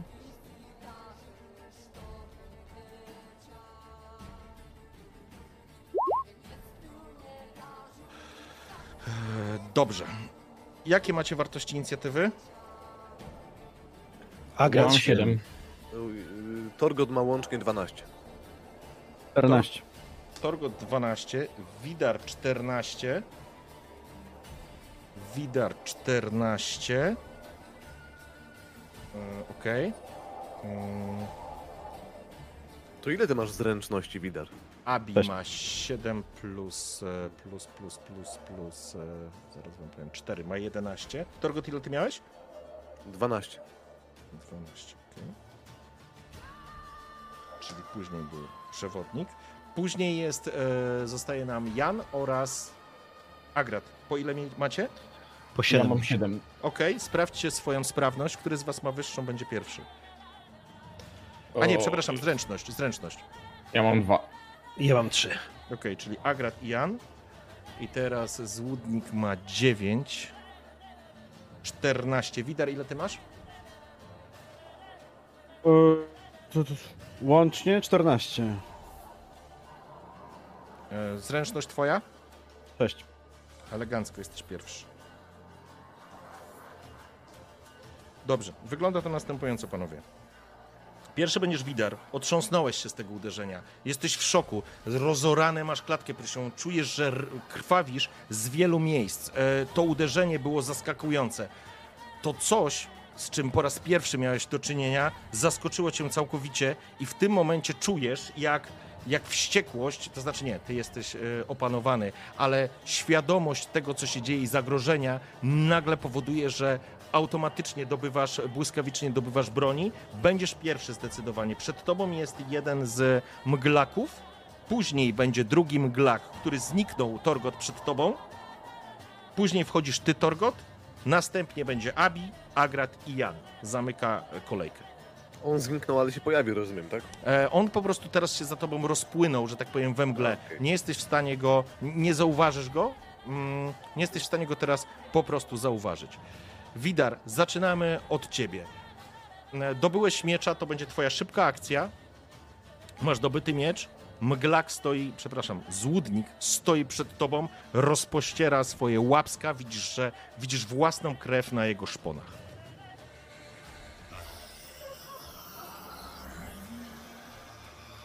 O, dźwięk. Widar dyszy po prostu ciężko, ale to no, dla niego to jest nowość. Dla niego to jest nowość, bo widzi, widzi nie, nie, nie, nie trochę swojej krwi, widzi jak jucha wypływa z niego wartkimi strumieniami. No i to teraz moja kolej.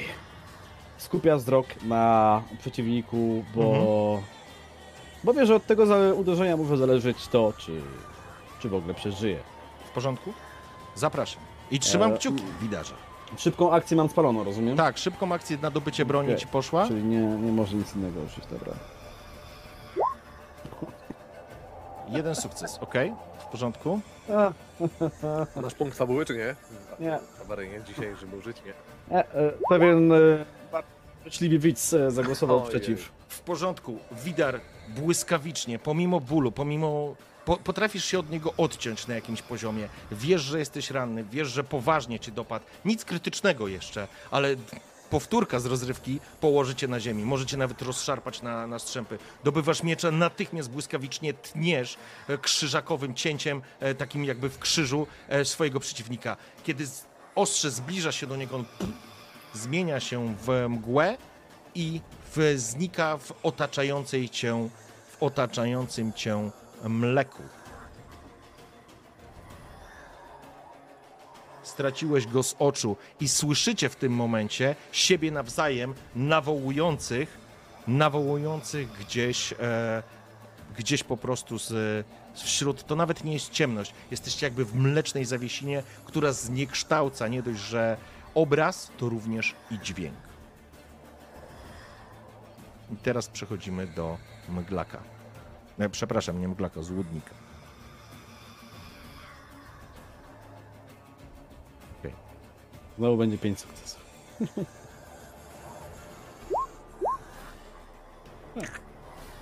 W porządku. I teraz tak.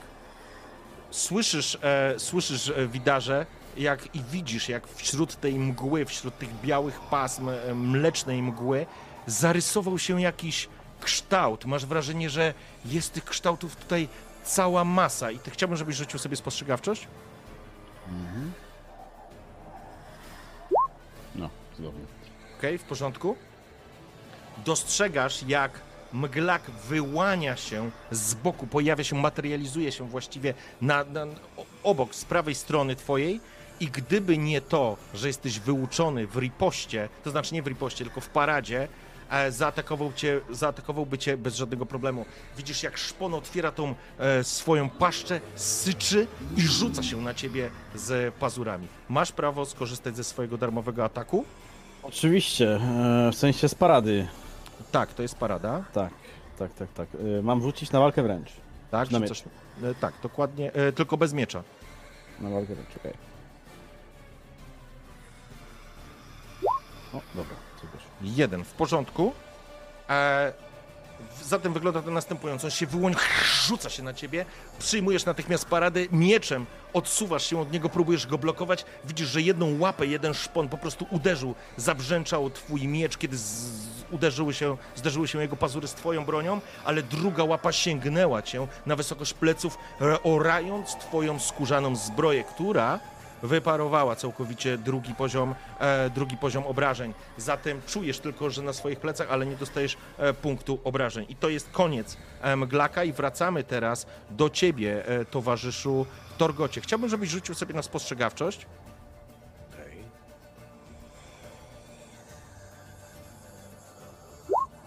Okej, super. W takim razie, podobnie jak przed chwilą Widar, dostrzegasz Torgocie, wyciągnąłeś swoją broń. Jaką broń? Z szybkiej akcji na pewno skorzystałeś, więc e, jaką broń wyciągnąłeś? E, topór rodowy Harpy. Mhm. Masz w rękach topór rodowy, rozglądasz się wśród tego mleka, w tej zawiesinie. Masz wrażenie, że wśród tych, wśród tych oparów po prostu te kształty się rysują w różnych miejscach, ale w pewnym momencie zauważyłeś, że wśród tego mleka, szarości i stalowego koloru zabłysły żółte ślepia gdzieś na wysokości twojego prawego ramienia i dostrzegasz, jak istota e, atakuje cię. I teraz, czy ty będziesz się bronił, czy przyjmujesz obrażenia? A jakbym przyjął obrażenia, to co dalej? E, to znaczy, że nie będzie. To, to, zamiast to, tego? to znaczy, jeżeli przyjmiesz obrażenia, to znaczy, że mglak, który się pojawi, po prostu ciebie zaatakuje. Ja będę za niego normalnie rzucał. I wejdą w ciebie wszystkie obrażenia, które on, e, które on po prostu zada. Jeżeli zdecydujesz się bronić, będziesz mógł się parować lub unikać, ale wtedy stracisz swoją wolną akcję, bo to twoja szybka akcja poszła na dobycie broni. Dobra, no to bronimy się. To bronisz się, czy. Tak, Czy- to jest takie naturalne chyba, nie? Ta obrona. Okej, w porządku. Atakuje, więc myślę, że bronię się. To Dobrze. mam klikać? W porządku. Wrzucasz sobie w takim razie walkę wręcz, ale z walki wręcz, a nie z, mm, nie z, wiesz, y, broni, tak? Dobra.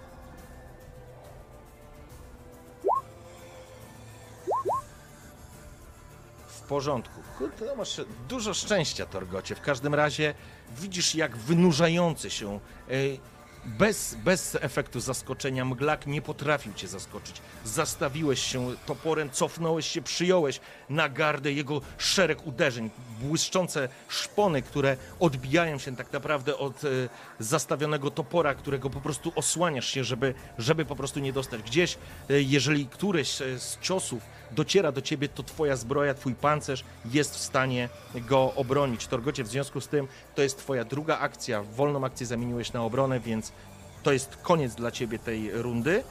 Teraz słyszycie. teraz prze, jakby przechodzę do naszej trójki, czyli mamy Abiego, mamy Agrata i Jana. Pierwsza rzecz, jeżeli będziecie chcieli pomóc, będziecie najpierw musieli zdać test spostrzegawczości, żeby ruszyć w kierunku, żebyście wiedzieli, dokąd macie ruszyć. Jeżeli nie uda wam się tego robić, zrobić, to nie jesteście w stanie po prostu kręcić się w kółko, nie jesteście w stanie Czy my dotrzeć do... słyszymy, jak oni walczą? Tak, walkę słyszycie tylko w tej mgle, w tej, pod tym zaklęciem, nazwijmy, em, złudników. Nie jesteś w stanie określić, wiesz, konkretnie kierunku, dlatego to jest tak trudne. Czy jestem w stanie motywować moich przyjaciół? Na pewno Wiesz było co? duży Widara, nie? E, stary, wiesz co? Dam ci minus dwa ze względu na to, że jest e, to miejsce pod, e, pod protekcją złudników. Te słowa będą się zniekształcały zdecydowanie, ale dam ci możliwość tego zrobienia. Tylko zanim to, to najpierw rzucimy sobie za Abiego, czy Abi jest w stanie przejrzeć iluzję. I co, rzuciło się, czy nie? Jest, w porządku. Słyszycie Abiego. E, Widar, trzymaj się! I on skacze w twoim kierunku, dobiegając e, do ciebie. Ej, sorry. Widzisz, dostrzegasz, bo e, ten, mm, no, jak się nazywa? Abi był pierwszy. Widarze, dostrzegasz tą sytuację, próbowałeś, e, próbowałeś ciąć przeciwnika, on, e, on po prostu zniknął w, w tym obłoku, dobiegł do ciebie, e, wyłonił się z, z, z tej mgły, aż spojrzałeś się w obawie, czy to nie jest kolejny złudnik. Pojawia się potężny, e, potężny wojownik z e, Wildkarl. Abis spogląda się na ciebie, łapie cię za, w ramiona, ponieważ nie dostrzega w tym momencie mm, przeciwnika który po prostu rozmył się w mgłę, spogląda się na ciebie. Widarze, trzymasz się? Na bogów, ledwo stoisz na nogach.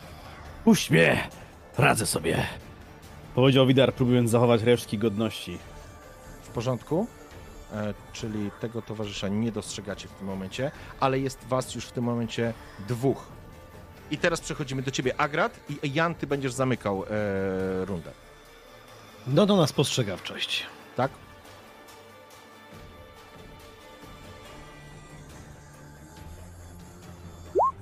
Cudownie. Agracie, cudownie. E, masz dwa sukcesy, więc jesteś w stanie namierzyć. em, jesteś w stanie namierzyć jakby dwa ogniska. Pytanie, dokąd chcesz ruszyć i komu chcesz pomóc. Ewentualnie e, pamiętaj, że możesz wykorzystać swój dodatkowy sukces na tym rzucie, jakby wskazać Janowi, tam, za mną. Dokładnie to robię, tak. Jan, Janowi, Janowi, Jana, Jana zauważyłem, był e, stosunkowo niedaleko ode mnie. Widzę dwie sylwetki, takie majaczące dwie sylwetki i potem widzę jedną sylwetkę. No więc tam, gdzie jest ta pojedyncza sylwetka, trudno mi powiedzieć, kto to jest, bo, bo w, tym, w tej mgle, w tym wszystkim mylą się dźwięki, mylą się całkowicie e, kształty, ale skoro jest jeden, to trzeba mu pomóc, więc skaczę tam właściwie na oślep nomen omen, e, w kierunku, w kierunku Torgota. Zanim jeszcze to zrobiłem, e, to co robiłem w nocy, właściwie nad ranem, to były małe dzwoneczki z takich pozostałości. Teraz się bardzo przydają, żeby narobić trochę hałasu. One gdzieś tam e, zaczynają wisieć obok, e, obok na jakiejś lince na sznurku i drę się w niebogłosy. Ej, gdzie jesteście, syny? W porządku. E, czy wskazujesz miejsce e, Janowi? Tak, absolutnie. Okej. Pokazuję, pokazuję mu, że, że ma biec za mną. Zaczynam, zaczynam po prostu podskakiwać, tak, żeby w tej mgle cokolwiek było widać. Macham, macham e, rękami, macham toporem w- ręku, porządku. żeby było lepiej widać. W porządku. Zatem, e, Janie, ty dostrzegasz po prostu Agrata, który wskazuje ci palcem, zaczyna krzyczeć i po prostu on jakby wskoczył w ścianę mgły. Ty automatycznie będziesz mógł ruszyć za nim, natomiast Jan, e, przepraszam, nie Jan, Agrat, ty biegniesz w kierunku Torgota i Torgocie ty dostrzegasz jak przed tobą tak naprawdę e, za twoimi plecami i obok wyłania się z takiego mlecznego obłoku Agrat krzyczący. Słyszałeś ten dźwięk, który on... Wy słyszycie siebie, tylko wyobraźcie sobie, jakby ten dźwięk był zmodulowany, jakby odbijał się, jakby, jakbyście nie byli w stanie określić, z którego miejsca tak dokładnie. Zatem dostrzegasz, jak Agrat się pojawia i Agrat, ty będziesz mógł, eś, em, ponieważ nie byłeś zaskoczony, dobyłeś wtedy, em, myślę, że broń, masz broń gotową do walki, możesz pomóc Torgotowi, który, przed którym stoi dziwna istota, którą wcześniej nie widziałeś. E, przepraszam, jedna rzecz. E, każdy z was wbija sobie punkt adrenaliny. Ja też? Tak. Sam fakt, że jesteście rozdzieleni, to mi uciekło. Mój błąd. E, Agracie, m, wykorzystałeś swoją szybką akcję, masz wolną akcję, możesz atakować. Absolutnie atakuję. Nie widząc jeszcze do końca, bo to są kształty jakieś rozmydlone, ale podejdź tu, wypierdziana z bagien, stworo! Pięknie, cudownie. Wszystko, rozumiem, wchodzi w obrażenia. To jest atak, Absolutnie. czyli pamiętajcie, że Na albo pełnym- atak, albo tak. Okej, w Na porządku. pełnym rzucie. E, zatem wybiega obok ciebie, Torgocie, twój towarzysz Agrat, bluzgając coś jeszcze obelżywie w kierunku złudnika i ty masz jaką broń? Topór, tak? Toporek śmiga na wysokości twoich bioder i zanurza się w kościastym, wyschniętym ciele złudnika, który masz wrażenie, że w ogóle biodra z górną częścią połączone są tylko jakąś taką mglistą, świetlistą aurą. Słyszysz, jak ostrze dochodzi do celu, wbija się w ciało tego e, złudnika i rzuca się, e, wypływa z jego rany, która się pojawia na, na, na, na, na nodze, taka żółta jakby zawiesina, która jest na wpół eteryczna, powiedziałbym, i unosi się jak opar z nad rany. Sam e, złudnik aż warknął i syknął w kierunku, w kierunku Agrata. Janie, twój ruch. E, No ja oczywiście, widząc Agrata biegnącego w jakimś kierunku, nie zastanawiam się długo i skakuję za nim w mgłę. W porządku? Mam nadzieję, że udało mi się tam dobiec do... Tak. Czy e, widzę ich już? Ponieważ Agrat spalił swój dodatkowy sukces, żeby ci wskazać kierunek, ruszyłeś i widzisz, biegniesz przez tę mgłę, o coś się potknąłeś, ale słyszysz Agrata, który coś złorzeczył, słyszałeś obrzydliwy syk tej e, istoty, e, mruknięcie, warknięcie, dobiegasz, widzisz sylwetki rysującego się Torgota oraz obok Agrata i tej dziwnej istoty, która stoi w tym momencie przyjęła to uderzenie od e, krasnoluda. E, obrzydliwa istota, która, tak jak powiedziałem, połączona jest świetlistym, mglistym blaskiem pomiędzy torsem a biodrami. E, też możesz mieć broń w ręku przygotowaną. To było mm, spalenie szybkiej akcji, żeby dobiec i teraz masz wolną akcję na działanie. No ja bym tu oczywiście zarzucił motywacją. W porządku? Oczywiście mogę tylko na jedną osobę, tak? E, tak, w tym momencie e, możesz na jedną osobę, chociaż możesz rozszerzyć to e, za pomocą e, swoich dodatkowych sukcesów. Pytanie, ile będziesz miał sukcesów? Mhm. Dobra. I masz Dobra, chyba no to- minus dwa, nie? Najpierw krzyczę, zobaczę co z tego nie? krzyku wyjdzie.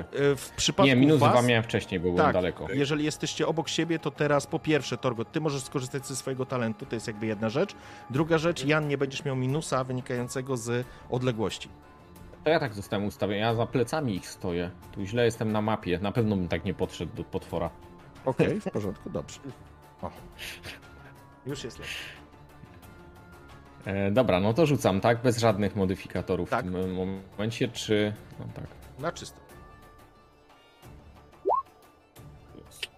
Nie wiem, czy nie przerzucić. Chyba bym przerzucił to. Możesz forsować wtedy adrenalinę dodatkowo No, to sforsuję to. i zapraszam do forsowania. Czekaj, kliknąłem i... No, coś poszło. Masz dwa sukcesy, więc e, możesz przekazać albo po jednym, to znaczy tak, albo po jednym na, na dwójkę swoich towarzyszy, albo dwa na któregoś z nich, ale ponieważ masz e, pecha przy dwóch kościach, słyszycie jak, e, jak nakręcony, beblający tak naprawdę Jan coś tu próbuje wam tłumaczyć, a może to miejsce, to miejsce, w którym teraz jesteście, mimo wszystko zniekształca. Pytanie, co Janie chcesz mówić? Kosztem twoim będzie utrata wolnej akcji w kolejnej rundzie, ponieważ zajmuje ci to dłużej, żeby przekazać, żeby wzmocnić, żeby zbudować, zbudować poczucie pewności w swoim towarzyszu czy towarzyszach. Jaka jest twoja decyzja? E, no, ja krzyczę do niej, do dwójki moich towarzyszy. W porządku? E, co ja bym im mógł krzyknąć? Towarzysze! Jak na weselu, zatańczcie z nim w parze! W porządku. Stracisz wolną akcję, to po prostu zajęło ci dłużej, żeby, żeby, żeby to przekazać. Będziecie mieli panowie i Agrat, i, i Torgot plus jeden przy kolejnym ataku. I teraz zaczynamy nową rundę. Widar, e, jesteś, e, jesteś w tym momencie e, sam, to znaczy sam razem z Abim. Istota przed tobą znikła, to znaczy zamieniła się w obłok, w obłok, e, no w mgłę, krótko mówiąc. Nie jesteś w stanie jej namierzyć. Jeżeli rzucisz spostrzegawczość, będziesz mógł ją dostrzec, dostrzec, ale czy będziesz mógł ją zranić, nie wiesz. W porządku, to oczywiście. Spróbujmy być spostrzegawczy.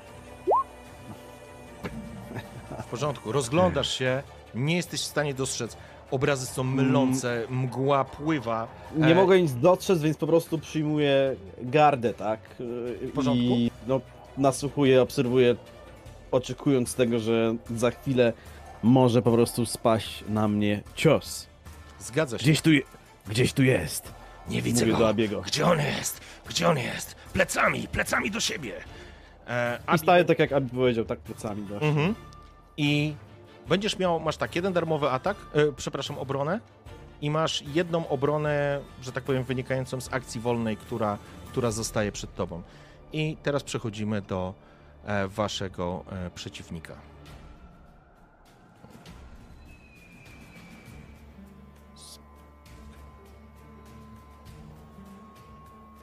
Mm, już sekunda, sorry. E, już, już, już, już.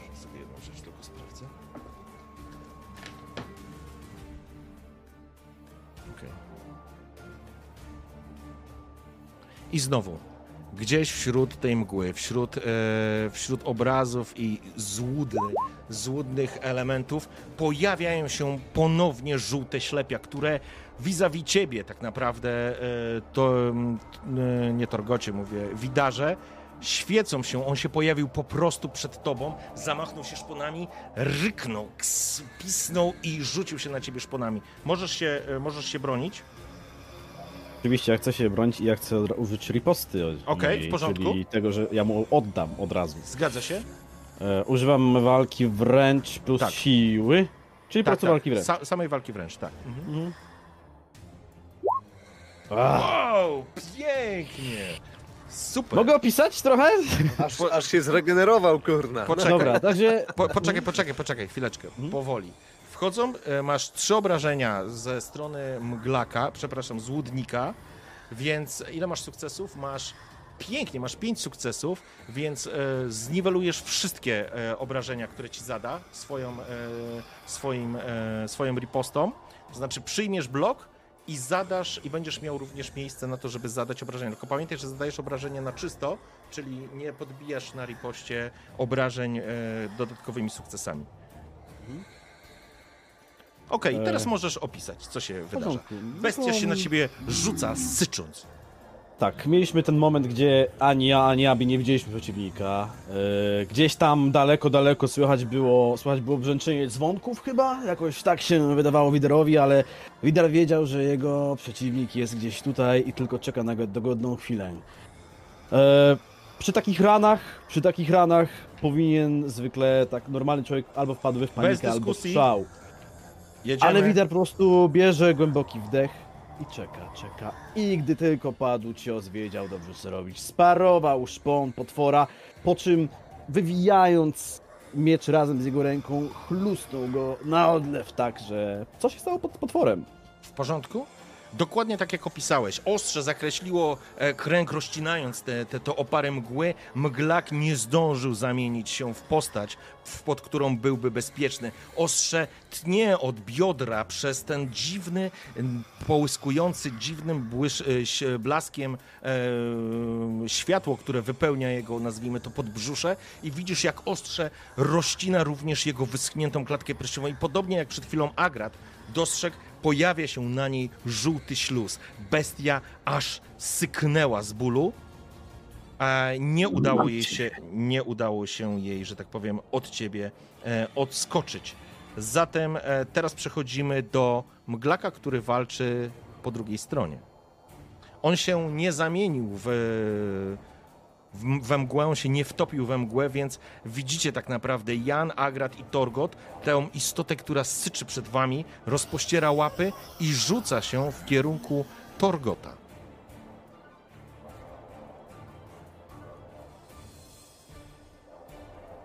No i co? Jest, ok, w porządku.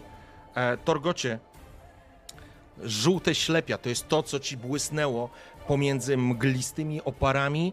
Widzisz szpony, które z prędkością światła rozbijają te, te takie chmurki e, tej mgły obok siebie i on doskakuje do ciebie z rozwartą paszczą i z tymi szponami, które z pewnością ciebie trafią. E, możesz unikać lub możesz parować. Myślę, że paruję. Zwłaszcza, że mam dodatkowy rzut. No to co, no to Torgot tak naprawdę widząc, że że Złudn go atakuje, dostrzegł też oczywiście swoich towarzyszy. Janie, a gracie! A gdzie jest Widar? No i widzi, że leci do niego atak, a więc walka wręcz plus jeden. Bronimy się. No, coś tam wyszło. W porządku. Czyli nie było miejsca na rozmowy, po prostu jakby przyjmuje, przyjmuje cios z jak najmniejszymi tak konsekwencjami. w porządku, zasłaniasz się tym toporem, próbując znowu wypracować sobie pozycję, ale ale ten e, złudnik rzuca się na ciebie z jakąś pasją, z jakąś furią.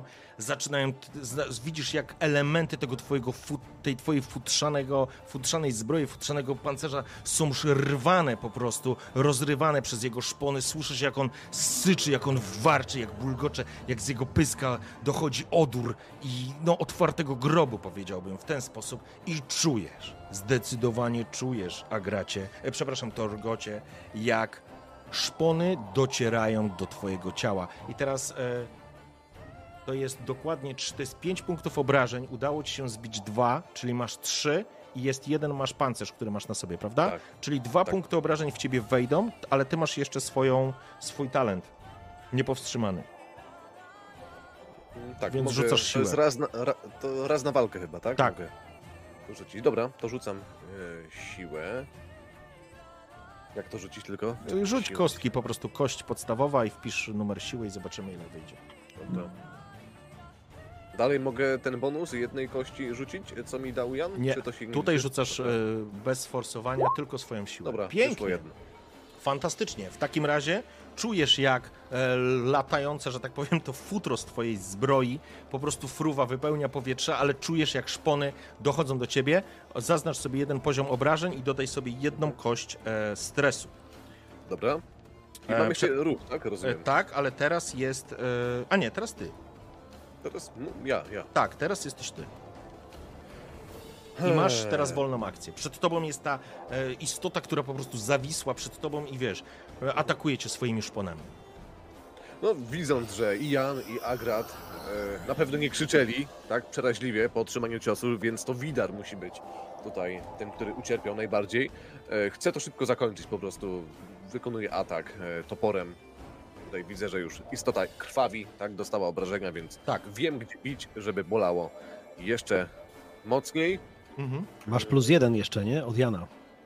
E, E, znaczy, plus to plus jeden było chyba Raz tylko, działa. ja to zużyłem Użył raz, do nie? parowania. Aha, okej, dobra, dobra. Bo ja mam zawsze Więc- tylko jedną radę Tak, tak.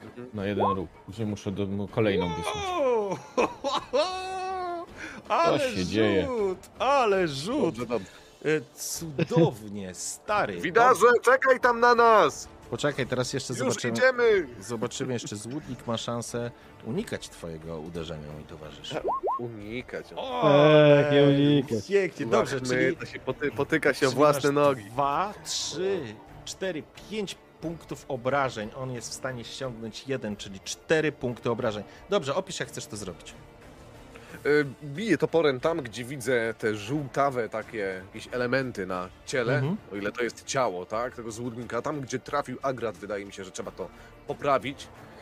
I biję toporem właśnie na wysokości, chyba bioder, tak? Chyba bioder. Tam właśnie Okej. Agrat trafił. W porządku, zrzucasz z siebie stojącego, jakby przepychasz go barkiem swoją masywną postacią, jakby robisz sobie po prostu przestrzeń do potężnego uderzenia, który w tobie wzbiera wściekłości i tego wszystkiego, co tutaj się wokół ciebie dzieje. Istota ta półeteryczna, dziwna istota próbuje, to znaczy zostaje odepchnięta i z takiego zdradliwego uderzenia, z całego zamachu gdzieś na wysokość biodra ciągniesz swoim toporem e, harpi, po prostu ciągniesz gruchocąc kości miednicy, tej dziwnej miednicy, dziwnej istoty i łamiesz, masz wrażenie, że ostrze, które wpadło w ten jaśniejący blask na jego podbrzuszu, dotarło do czegoś mocnego. Może to kręgosłup, który w tym momencie jest gruchotany pod siłą twojego uderzenia. E, istota po prostu zapada się w sobie, łamie się w pół i pada. Widzisz, jak to światło gaśnie zarówno na wysokości jego bioder, czy właściwie jego e, żeber, ale również w oczach wydaje z siebie ostatni dźwięk.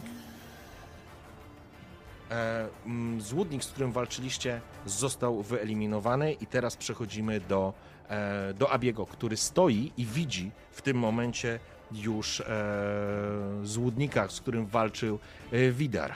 Trzymaj się, Widar! Skończmy to! Skończmy to! Rzuca się na przeciwnika. Dostrzegasz, jak jego twarz zaczyna się znowu zmieniać. Znowu widzisz dzikość w jego oczach i Abi Witrka, Widrkarl rzuca się na, em, na złudnika, doskakując do niego. A złudnik tymczasem porządku. Złudnik widzisz, e, widarze na twoich oczach, jak próbuje zdematerializować się, zmienić się z powrotem w mgłę, a szpony, które wyrosły na łapach, tor, e, nie Torchota, przepraszam, Abiego, dopadają go i zanurzają się, zanurzają się w jego ciele. Widzisz, jak on próbował się zmienić, a to ciekawe, próbował się zmienić, ale Abi rzucił się do niego, chwycił go i widzisz, jak szpony po prostu wbijają się w jego wyschniętą klatkę piersiową i rozrywają ją na pół. Słyszysz wrzask tego i takie ostatnie tchnienie e, i gasnące światło w oczach istoty, którą Abi właśnie, właściwie rozerwał czy wyrwał e, żebra z klatki piersiowej.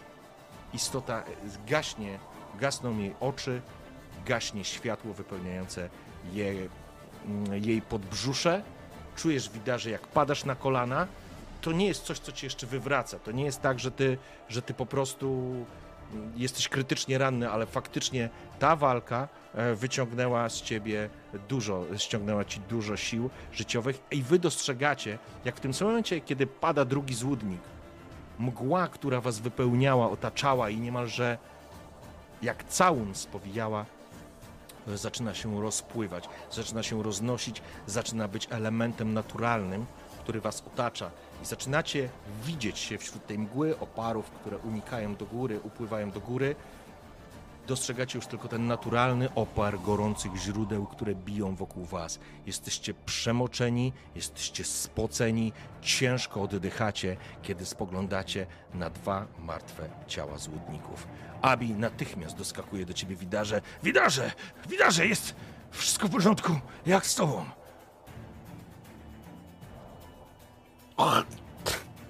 Widar splunął. W miejscu, gdzie splunął, pojawiła się po prostu plama krwi gęstej i, i no, nie wyglądało to dobrze. Wyliżę się, powiedział, po czym chwiejnie wstał, ale w własnych siłach, tak? I schował, schował miecz do, do pochwy. Chyba nie ma ich tu więcej. Tutaj, tutaj, chodźcie! Jak u was? Torgot, Jan, Agrat! Ten dźwięk, który on wykrzykuje do was, on już zaczyna brzmieć normalniej. Już zaczyna brzmieć tak, że zaczynacie rozumieć. Tak jak powiedziałem, dostrzegliście tę scenę. Mgła, która nienaturalnie szybko się pojawiła, nienaturalnie szybko również zniknęła. Widząc kształty z daleka, że stoi e, wielki Abi obok niego, e, słaniający się lekko Widar, Agrad rzucił się w tamtą stronę, rzucił się jakby już zamachnął się wcześniej toporem, ale widać nie było na kogo, więc całą tą siłę e, wrzucił w to, żeby jak najszybciej dobiec. Widar! Widar! Wi- Widar! Wszystko z tobą! Orzesz, psi chwoście! Nie wygląda to najlepiej. Widar ogląda się na siebie i rzeczywiście właściwie cały jest pokryty krwią. Zbroja jest cała we krwi, on jest we krwi i ma po prostu porozdzierane ciało. Ciężko dyszy i tak naprawdę ledwie się trzyma na nogach, ale nie daje tego po sobie poznać. Poziom, tak żebyście też mieli pełną świadomość, masz całą, s- masz kilkanaście ran ciętych, ale na szczęście one nie były głębokie, więc nie ma tu krytycznych zranień, chociaż wygląda to faktycznie jak w masarni, jak w rzeźni. Nie wiesz, czy Agrat się martwi o ciebie, czy o zbroję i jej opłakany stan. Potknąłem Nie, się. Dupa tam! Potknąłeś się! Mielonkę z ciebie prawie zrobili. Torgot! Jan, pomóżcie mi, coś w tym worze się znajdzie. No, trzeba go opatrzeć. Cholera! Jak ty wyglądasz, Wiedźmin? Ale to... Wyłazi to, że nie do końca Wiedźmin. Teraz ci wierzyć zaczynam. Coś tam zaczyna bełtać w tym worze. Mhm. No i Torgot, słysząc co się dzieje, podbiega tak naprawdę zaraz za gratem. Yy, tylko tak naprawdę obwieszcza tutaj temu Adi, Adiemu Aliemu, tak? Abiemu, Aliemu, że... Abi. On ma na imię Abi. Abiemu, Mhm. dobra, Abiemu, że yy, zabiliśmy jednego. Oj, gdyby nie ci panowie, to mogłoby być ciężko, ale widzę, że u was było ciężko. Widarze, co tam się stało? Patrzy tak, spogląda na Widara, spogląda na Agrata szukającego coś w worze. Musimy mu pomóc. Szybko, szukaj, syny. Szukaj. Nie obchodźcie się ze mną. Jak? Nie czas na bohaterów. dziewoją na Neutmanie. wydaniu. Nie czas na bohaterów. Długa droga przed nami. Macie czym go opatrzyć. Opatrzcie go i ruszajmy. Zaraz Jan. te skurzywie syny mogą tu wrócić. Jan tylko spogląda na Widarza, a Widara i mówi, Widarze, przepraszam, myślałem, że lepiej sobie poradzisz. Nie mogłem, nie mogłem ci pomóc. Nie rozdwoję się, nie w każdej walce. Mogę być wszędzie. Torgocie, Agracie, Widar tylko patrzy na Jana i chciałby mu powiedzieć pięknym zanadownym, ale tylko... Torgocie, Agracie, wy... spierdalaj. Nie widziałem dokładnie, co się działo. Dlatego tylko taniec weselny przyszedł mi do głowy. Ale widzę, że doskonale sobie poradziliśmy. Tak patrzy na Widara spod, to, spod tak za ramienia i nie tak jak tamten. No, Ale tak cieszę się, cichutko, że, żeby Widar nie słyszał. że, że mogłem na was liczyć. A gracie, jak tam? Znalazłeś coś? No, czekaj, jest tu, jest, mam na opatrunek jakiś. Pomóż mi, owiniemy go przynajmniej, żeby nie krwawił. Macie, Eee, macie Cała robota. Jeden, przepraszam, macie chyba jeszcze jeden opatrunek, nie? Dokładnie tak, Okej, właśnie jest, ten, właśnie ja ten mam, go tak wyciągam. szukałem inwentury. Ten go wycią- tego wyciągam, właśnie zaczynam, zaczynam go rozwijać. Ech, Taka robota. Tak ci naprawiłem ten pancerz. Ech, Nie mogłeś go bardziej chronić. Ech, Synu Jarla. Tfu, żebym umiał chociaż jakieś zaklęcia, to bym coś rzucił. Ale tak to wszystko. Tylko przekleństwami mogę. Pomóż, Torgocie, z, le- z lewej. Tu. a. No obróć się, pomóż trochę, widarze. Agrat, to mogę ci powiedzieć. Całkiem, całkiem niezły z ciebie płatnerz. To była dobra zbroja. Te, teraz ci zrobię taką, wiesz, dookoła, jakoś to nazywali, jak na śmierć obwijają całkowicie szmatami. No, na pół będziesz tak wyglądać, mam nadzieję, że się wyliżasz, ale, ale nie liż sam, bo wiesz, Jan ci coś dopowie. A z drugiej strony, ja nie. Czyś ty widział kiedyś mahakamskie wesele? W życiu żeś nie widział. Kiedyś ci Gracie. pokażę, jak się Gracie, by- tańczy. Będzie okazja, mam nadzieję, że opowiesz nam, jakie to biesiady w tym słynnym Mahakamie odprawiacie. Jakie tańce niebiesia... Torgot, tu z prawej, ciągnij. O, o, widzisz. Teraz. No, wijamy go, tak? Tym E, proponuję, proponuję już tak e, stricte podpowiem wam mechanicznie. Również ja nie możesz e, wspierać, że tak powiem, e, przy tego typu rzeczach, nie tylko przy walce, więc możesz pokazać paluchem, w, ta, w takim sensie byśmy to mogli zrobić i możesz Ile też- macie y, pomocy medycznej? E, no ja mam pomocy medycznej Pomocy zero, nie medycznej nie, czy- macie. Pomocy medyczna to jest fach. Pomoc medyczna Fach, to jest dobra. wola, e, tylko to jest może was, was wprowadzać w błąd, bo na karcie jest pomoc medyczna, ale to jest wola. Więc pomoc medyczna jest fachem, czyli umiejętnością na rozumie opartą. Więc ktoś, kto będzie rzucał, rzuca z rozumu. Nie macie medyka, nie macie felczera, nikt z was nie ma doświadczenia w tym temacie, zatem rzucacie na czysty rozum. Jan, możesz e, pomóc. E, właściwie wszyscy możecie pomóc przy tym, jeżeli Dobra, pomagacie, każdy dostaje. m, Możecie pomóc w taki sposób. Albo pomagacie po prostu w opatrywaniu widara. Wówczas osoba, która rzuca, będzie miała plus jeden od każdej osoby, która pomaga, maksymalnie do trzech. Ewentualnie Jan, ty możesz próbować wesprzeć e, osobę, która. Dowodzić, po, mówić, Dobra. mówić im, co Tak, mają robić. Dokładnie. Na zasadzie zwróć uwagę na to czy na to. Nie. ja też mogę. Sam sobie nie możesz pomóc. Czyli na rozum rzucamy. Pytanie, co robicie? No, trzeba go opatrzyć, nie? A kto ja będzie rzucam, opatrywał? Na pewno. Kto będzie No ja go opatruję. Ja Mogę go pomóc, bo mogę nie że oporu. No. Ja go, ja, go, ja go gdzieś tam podtrzymuję, Agrat opatruje, a Jan... A ja co? A ja mam rzucić na nas, dowodzenie i krzyczeć Agrat, opatruj, torgocie, szukaj. Tak jak cię uczyłem. ziół. Raczej, raczej na zasadzie, Janie, że mu pokazujesz, myślę, że gdzieś tu albo Dobra, tu, no albo więc e, to co, na pomoc medyczną rzucać? Nie, rzucasz na, Na rozum. Na, na, u- To, to jest empatia tutaj, tak? Wy nie rzucacie, wy rzuc, rzuca tylko Agrat, ewentualnie Jan, A, jeżeli chcesz, dobra. możesz rzucić e, z inspiracji. Czyli ja na czysty rozum, bez żadnych... Czy ja mogę sobie dodać ich, ich, Już tłumaczę. wsparcie? Dostajesz Dobra. tak, plus jeden od Torgota, dostajesz plus dwa za opatrunek i teraz Jan, jeżeli będzie rzucał na, na, na inspirację, to dostaniesz tyle kostek, ile Jan e, wyrzuci. To które to jest inspiracja u mnie? No to jest twoje dowodzenie. Aha, czyli mam to rzucić, a te jest dokładnie- adrenalinki dwie mam, tak? Tak, nie zeszły, nie zeszły, absolutnie. Dobra, no to co, rzucam.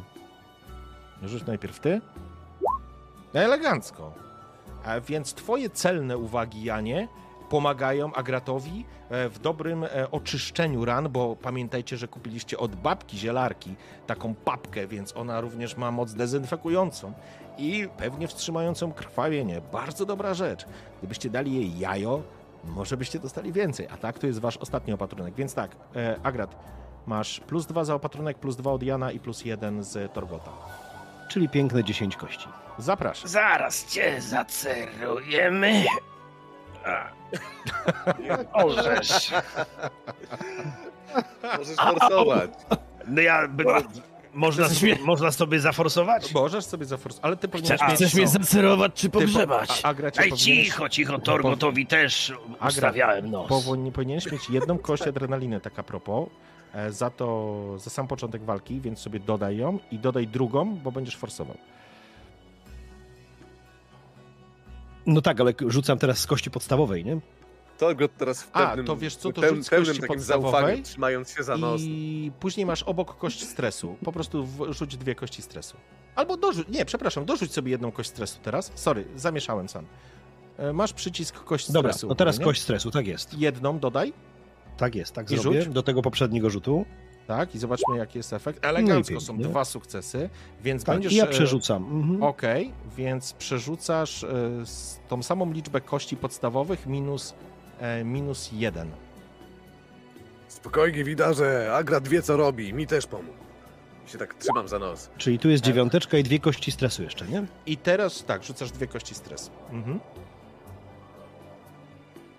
Ja przepraszam, jedną kość stresu, bo masz sukces. Bo... Okej. Dobra, czyli łącznie masz e, raz, dwa, trzy, Trzy. trzy. Trzy sukcesy, w porządku. E, widarze, możesz sobie dopisać dwa, trzy punkty zdrowia. No może to nie wygląda jak strój na wesele, ale przynajmniej się w pół nie rozpadniesz. Dobrze. Słyszałem, że dziewki lubią blizny. Teraz mam ich całą kolekcję. O tak. Chodźmy, chodźmy z tego uroczyska. Odpoczniemy tam dalej, a później ruszymy do jaskini ciszy. Dobrze, że wszyscy są cali. Chodźcie. pomaga e, Abi. Jesteś faktycznie pozawijany jakimś płótnem, e, które wyciągnął Agrat, E, ale ziółka, które mieliście od tej babuszki, faktycznie wam pomogły.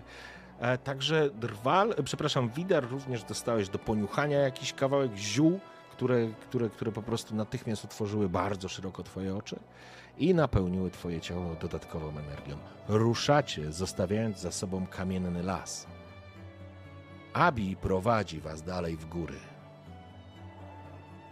Próbuje trochę rozładować atmosferę i jakby, żebyście wszyscy byli dalej, że tak powiem, pełni werwy, bo, bo jeszcze długa droga przed wami.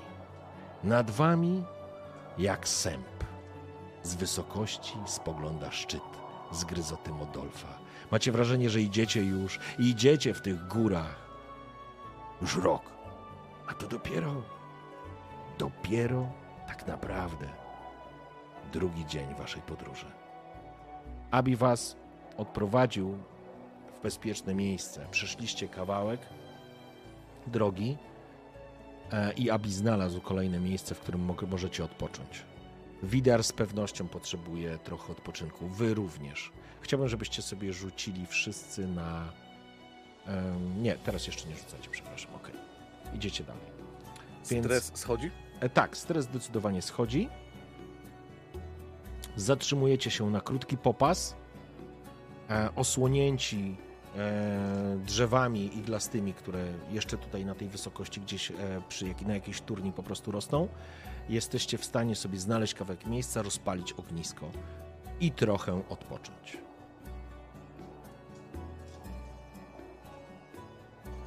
Nieźle. Złudniki. Dobrze, że były tylko dwa. To niebezpieczne istoty. Dalibyście wiarę? Byłem przekonany, że Wider idziesz za mną. Czułem, że ta linia jest naprężona. To niesamowite. Uwierz mi, do ostatniej chwili myślałem, że mam przed sobą twoje plecy. Ale patrzę na swoje rany. Plecy nie rozszarpują ciała szponami. Dobrze, że mamy to już za sobą.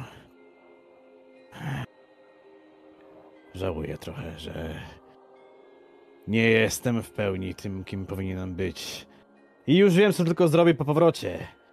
Odnajdę jednego ze swoich i dowiem się wszystkiego o tych ich słynnych wiedźmińskich utensyliach.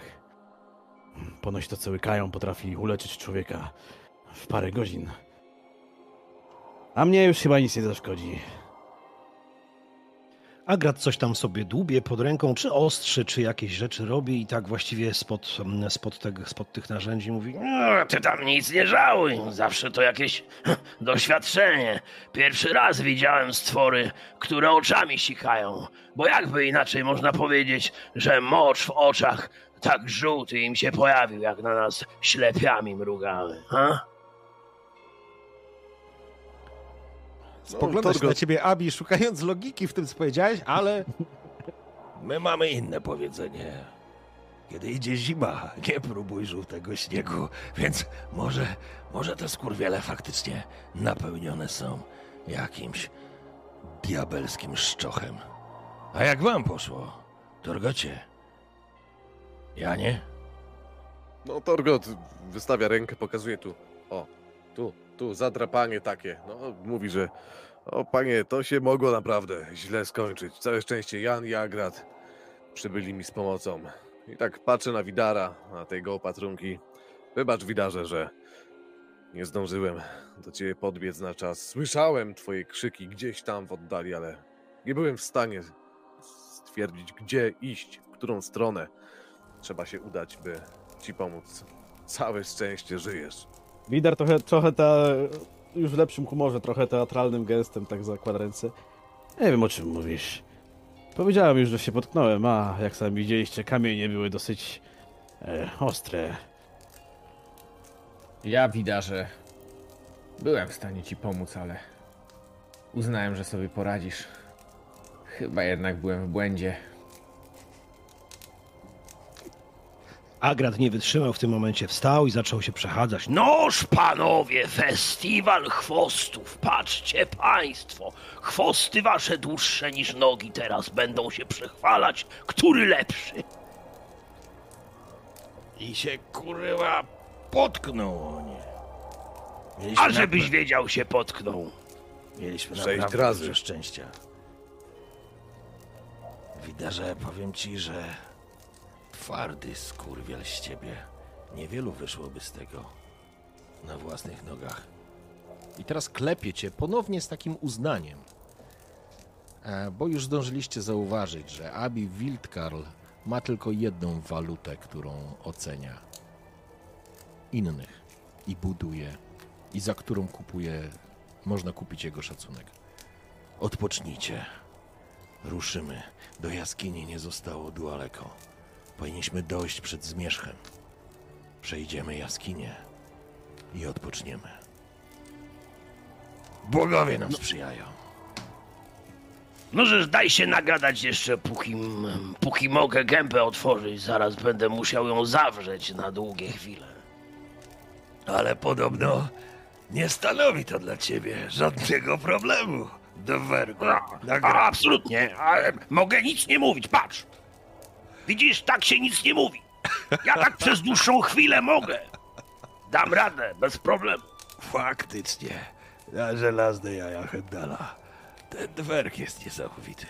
W ogóle wszyscy jesteście zaiste dziwną kompanią. Bogi chcieli, żebyśmy się spotkali. Dobrze, skorzystajmy z tego popasu. Jeśli nie będę być, mógł mówić, może być ciężko. Ale mam nadzieję, że mam nadzieję, że zapamiętaliście moje lekcje. I w trakcie walki, w chwili słabości będziecie mogli sobie je przypomnieć. Wiem, widarze, że tobie za dużo ich nie podarowałem, Ale może coś tam obiło ci się od, o uszy w trakcie naszych zmagań tutaj. A tego narzędzia i poklepuję ten miecz, który mam przy pasie. Tego narzędzia mam nadzieję, że mimo wszystko nie będę musiał w najbliższym czasie używać, ale jeśli będzie trzeba, nie zawaham się. Nie zawaham się. Mm, zapewne ja nie wykażesz taką samą waleczność jak przy spotkaniu z twoimi znajomymi z Nowigradu. W to nie wątpi żaden z nas. Ech, tylko, że tym razem może... Może Rod się odwróci i akurat mnie nie będzie w pobliżu. A, dobra. Rzeczywiście, nie ma co mierzyć sobie chwostów. Przed nami jest coś, czego jeszcze nie przedyskutowaliśmy, a póki jeszcze możemy mówić, przedyskutować powinniśmy. Kto z nas złoży ofiarę?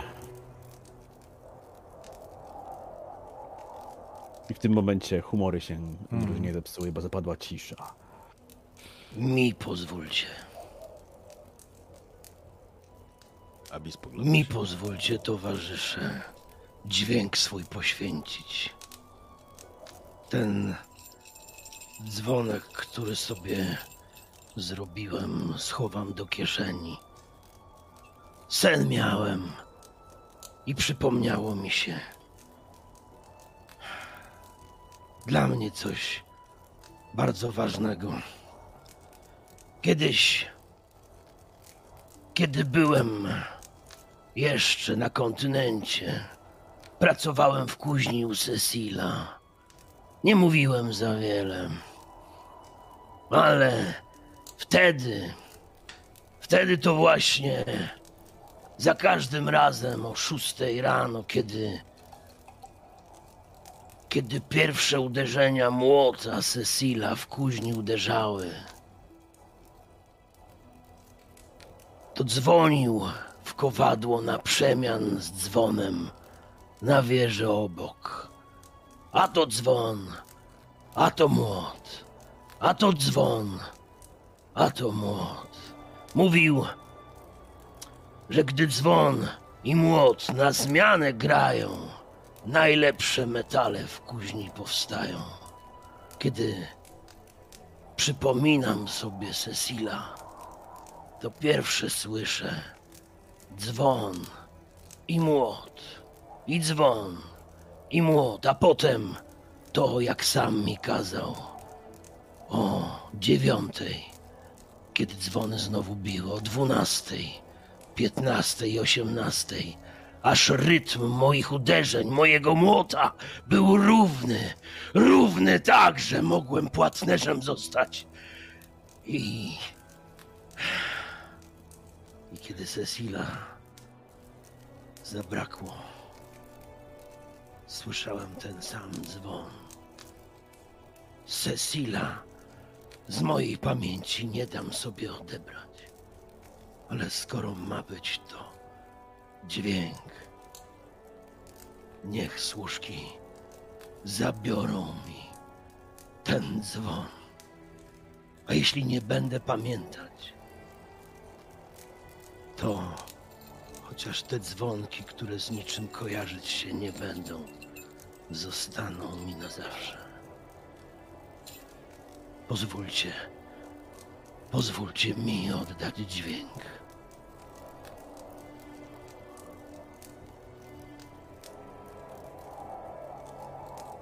Widzę, że jesteś pewien twojej decyzji, Agracie.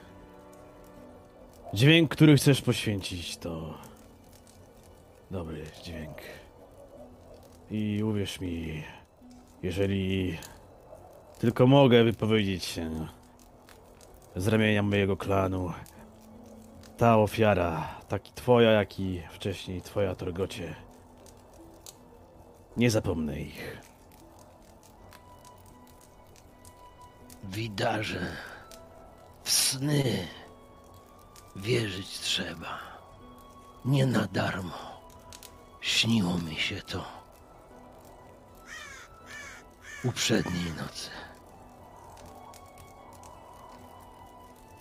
Wśród A drzew, więc niech tak będzie. wśród drzew jakby efekt tła, jakby kropka nad i.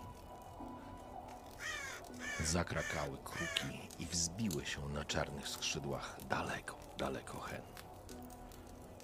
Dobrze. Kimkolwiek był dla ciebie ów Cecil,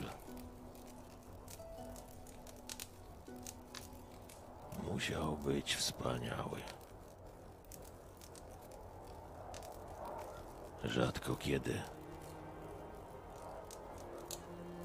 tak wspaniałych ludzi dają nam bogi i stawiają na nam, na naszej drodze.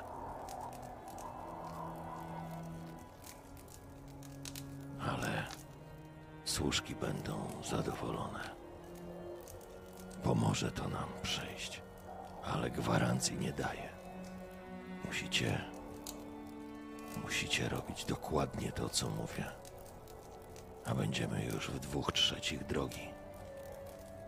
I za kilka dni staniemy przed lodową wiedźmą na samym szczycie zgryzoty Modolfa. Złapcie jeszcze trochę powietrza, zjedzcie coś i ruszajmy. Panowie, robimy przerwę? Dosłownie 5 minut, bo musimy dzisiaj o 23 równo skończyć, więc e, starajmy się naprawdę spre, sprężać, dobra? I Okej. wracamy. Czaty, 5 minut higienicznej, wracamy za chwilę. I wróciliśmy po krótkiej przerwie, czaty. Zatem. Zatem wracamy. Wracamy do podróży na zgryzotę Modolfa. I. I będziemy, będziemy. Mm, będziemy sobie kontynuować. Dobrze. Słuchajcie. Popas zakończyliście, odpoczy, odpoczęliście jeszcze troszkę. Myślę, że będziesz mógł sobie Widar jeden punkt jeszcze zdrowia wrócić. Jeżeli e, Torgot, ty miałeś jakieś zejście, to masz teraz na zero, bo jeden, miałeś tylko jeden punkt. E, chyba reszta z was nie była ranna, z tego co kojarzę. Mm, zatem następująca sprawa. Odpoczęliście chwileczkę, całą adrenalinę sobie zrzucacie. I kiedy już popas zaczął się kończyć, Abi, jakby bez mitrężenia, wskazał drogę i ruszajmy, ruszajmy. Musimy zdążyć do jaskini przed zachodem słońca. Ruszyliście zatem ponownie. Mm, okej. Zostawiając za sobą krótki popas, ale wiatr i chłód zaczął wdzierać się ponownie. Im wyżej wchodzicie, im dalej, im bliżej szczytu, tym zmienia się krajobraz. Coraz mniej drzew, coraz bardziej skarłowaciałe formy roślin, o ile jeszcze są tu rośliny, wyrastające nad, z nadgęstego śniegu. Idziecie uderzani raz po raz mroźnym chłodem, mroźnym wiatrem, który się wdziera w zakamarek, każdy zakamarek, że, że tak powiem, waszego ubioru. Po walce w gorących, przy gorących źródłach, przy kamiennym le, w kamiennym lesie, wasze odzienie było wilgotne i czujecie tą wilgoć, i czujecie, jak ona jest ścinana mroź, mroźnym powietrzem, jak ciężko i trudno wam się idzie, jak podróż coraz bardziej i bardziej daje się wam we znaki, jak rany, które odniosłeś widarze, tak jak powiedziałem, dosyć powierzchowne, ale mm, liczne, czujesz, jak ci doskwierają, ale idziecie i brniecie, prowadzeni przez Abiego, zostawiając za sobą przełęcze, przepaście, wąskie ścieżki, e, niewielkie zagajniczki, gdzieś skaczące kozice, gdzieś krążące w dole widzicie wilcze stada, gdzieś wzbijające się w powietrze kruki. Zostawiacie za sobą świat i macie wrażenie, że z każdym krokiem zbliżacie się, zbliżając się do szczytu Modolfa, zbliżacie się do bram, bram świata. Jakbyście z każdym krokiem przekraczali pewną granicę. Jakbyście zostawiali za sobą to, co ludzkie i wchodzili w obszary, które nie są obszarami przeznaczonymi dla śmiertelnych. Chciałbym, żeby każdy z Was rzucił sobie na kondycję. Kondycja. Zobaczmy, jak sobie radzicie. Minus jeden. Do rzutu minus jeden. Kondycja, czyli... o, Przy sile to jest. On się chyba nazywa stamina. A, tam. tak, tak, tak. To jest kondycja. No. Okej. Nareszcie dobry rzut. Fantastycznie. No, bardzo dobrze. Słuchajcie, e, każdy z was zdał. E, Widar, chyba efekt tych ziółek, które dostałeś, również wzmocniły ciebie wewnętrznie. Nadały, zwiększyły być może em, szybkość przepływu krwi. Nie czujesz chłodu. Wszyscy tak naprawdę idziecie równym krokiem i imponuje to zdecydowanie Abiemu, który musiał tędy chodzić Bogi wiedzą ile razy. Idzie jak po linie, jak po sznurku, jakby wiedział dokąd. Na marginesie Agracie twoja lina została zniszczona, także to tylko y, to jeszcze dodam.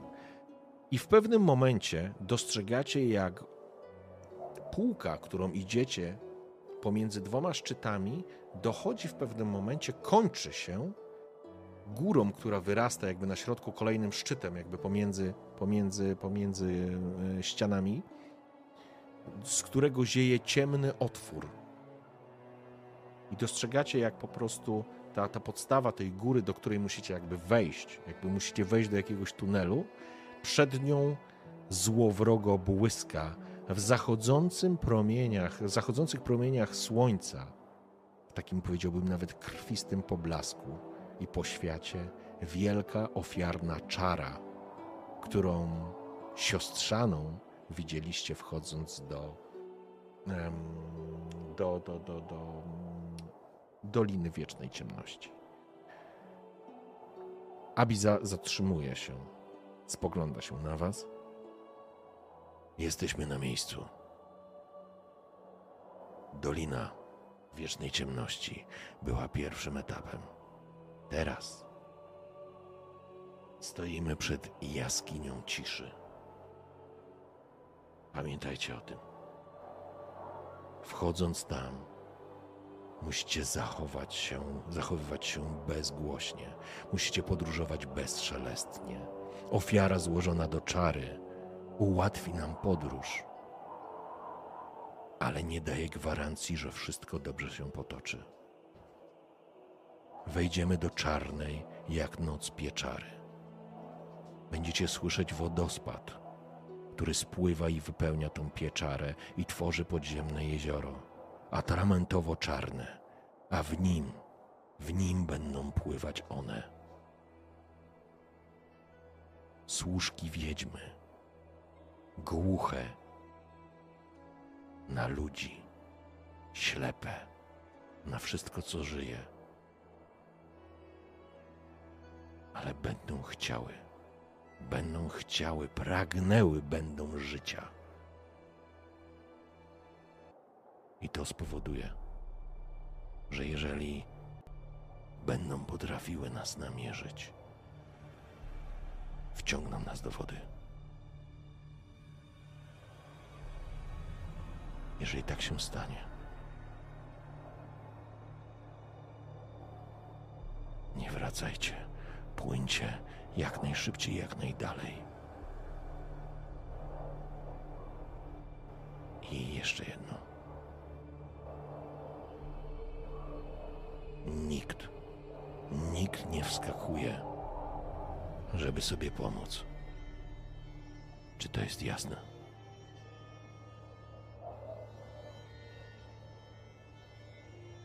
Jasne jak słońce. Zaczynajmy. Dobrze więc. Podejdźmy do czary. Dwergu. Pokazuję ci ręką. Podchodzicie i kiedy zbliżacie się do tej ciemnej, ciemnego otworu w ścianie, że tak powiem, górskiej, masz wrażenie, że zbliżając się już do niego, widar, ty wychwytujesz szmer wody. Tak. Masz wrażenie, że słyszysz ze środka dobiegający szmer wody, szum wody. Ale teraz Agrat idzie pierwszy, stojąca na piedestale, kamiennym postumencie. Misa, czara jest poza twoim zasięgiem, ale możesz bez problemu wskoczyć na kilka kamieni i stanąć na jej wysokości.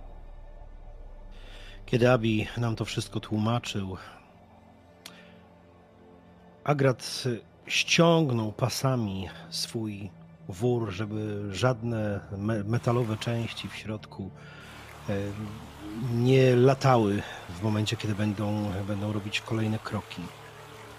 Wyjął z kieszeni dzwoneczek i po raz ostatni delikatnie zadzwonił, po czym schował go do sakiewki i mocno zaciągnął. Mhm. Jestem. Jestem gotowy.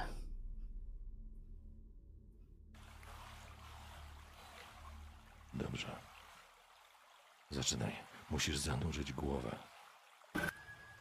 I wszystko się samo potoczy. W ten sposób przekażesz ofiarę. Agrad zaparł się obydwoma, obydwiema dłońmi o czarę.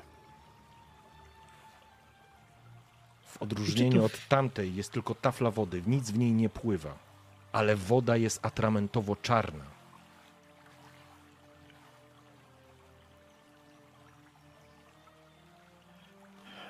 I, i dzwon. I młot. I dzwon.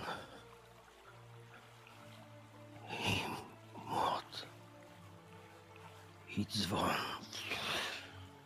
Zanurzasz głowę, masz wrażenie, że ciemna, atramentowa woda opływa cię, jakby pochłania cię do środka i nagle wśród tej ciemności widzisz ciąg skojarzeń i myśli, które wracają.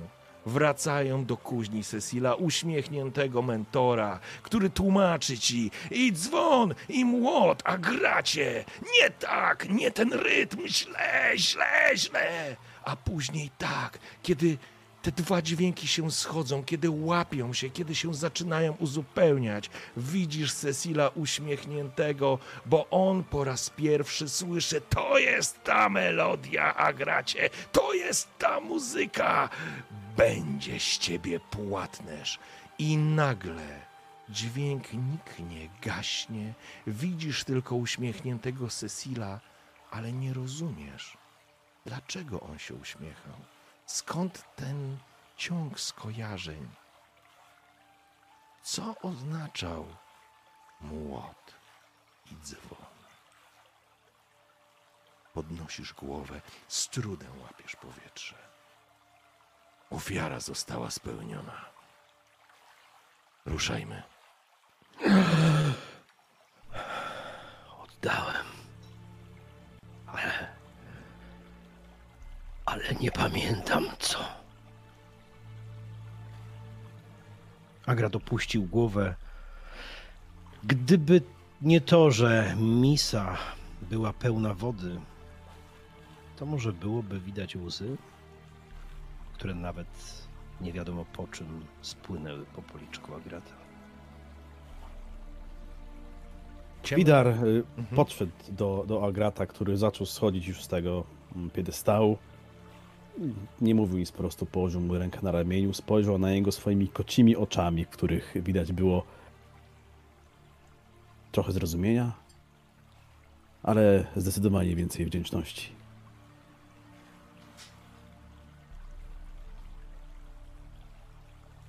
W porządku. Ciemna ciecz, która wyglądała jak atramentowa woda. Nie została na tobie absolutnie żadnych śladów. Jest przeźroczysta, zachowuje się jak ciecz, jak woda. Czysta, źródlana, zimna. Ale kiedy patrzysz na misę, jest atramentowo czarna. A gracie, chciałbym, żebyś obniżył sobie empatię o jeden punkt. Już wracam do was.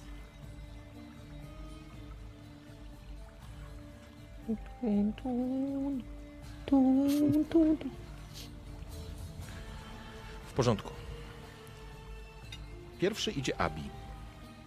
Kto idzie następny? Ja chcę iść za Abim. W porządku? Drugi będzie Agrat. Dalej? Mm, Widar będzie zamychać pochód tym razem. Okej. Kto idzie za Agratem?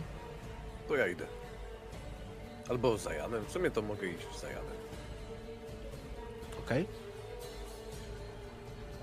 Czyli idzie Abi, później idzie Agrat, później idzie Widar, Jan i Torgot, tak? A nie, przepraszam. y, Ktoś chciał inny zamykać, sorry, ja pochrzeniłem. Abi, Agrat, Jan, Torgot i Widar. Okej, Widar jest na końcu. W porządku. Dobrze. Wchodzicie zatem do ciemnej jaskini. Zostawiając za sobą świat, macie wrażenie, jakbyście przekraczali, jakbyście przekraczali jakiś, jakiś próg, jakąś granicę, jakiś punkt styczności dwóch różnych światów.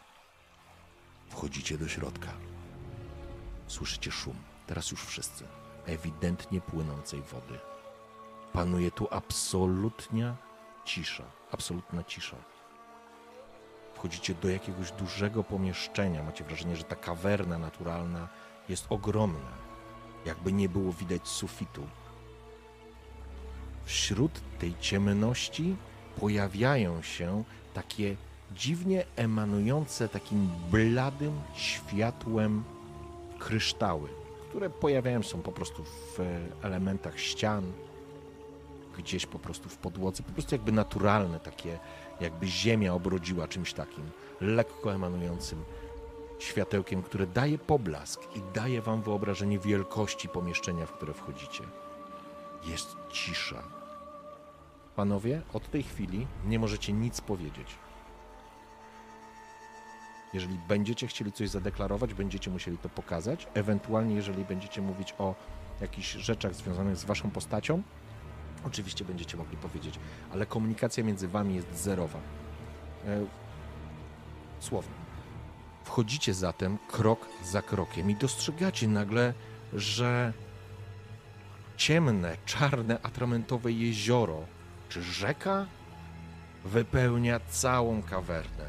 I dostrzegacie, jak pośrodku tego czegoś, tego jeziora, są takie stemple, poustawione jakby kamienie, po których musicie przejść na drugą stronę. Nie dostrzegacie końca drugiej strony. To jest jakieś kilkadziesiąt dobrych metrów, ale dostrzegacie wśród ciemności, tam daleko, opaliz- opalizujące, błyszczące kryształy, które rzucają trupo, trupio blady blask. Po prawej waszej stronie słyszycie zintensyfikowany dźwięk pluszczącej wody. Wodospad, o którym mówił Abi, musi znajdować się z tamtej strony. Dostrzegacie teraz, że widzicie prąd tej wody. On płynie z prawej do lewej strony, tak jakby ginął po waszej lewej stronie. Wpada w ciemność.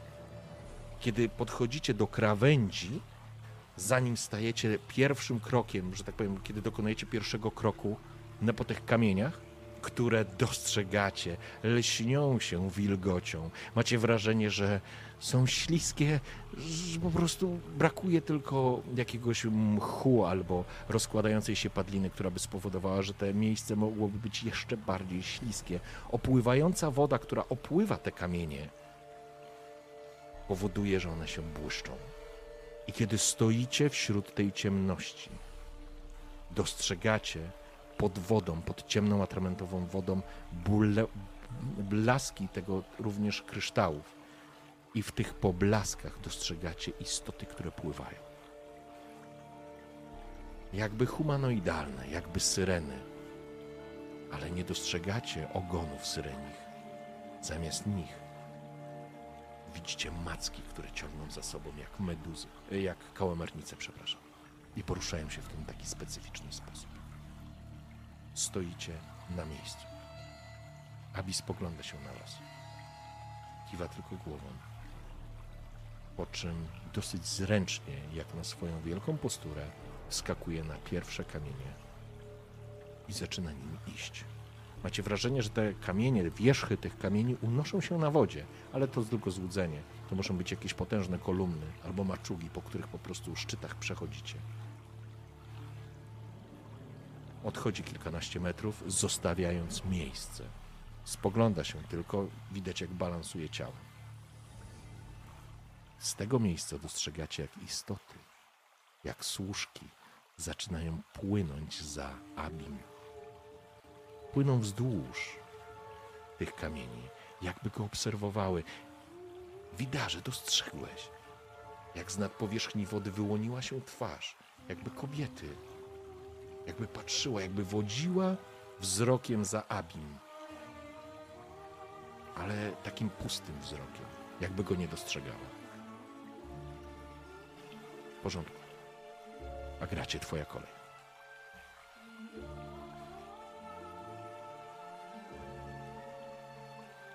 Będziecie musieli, okej, będziecie, tak powiem, będziecie musieli zdać test sprawności.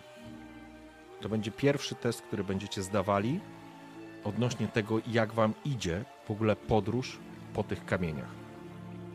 Z założenia będzie to trudny test, więc będziecie mieli do tego testu modyfikator ujemny.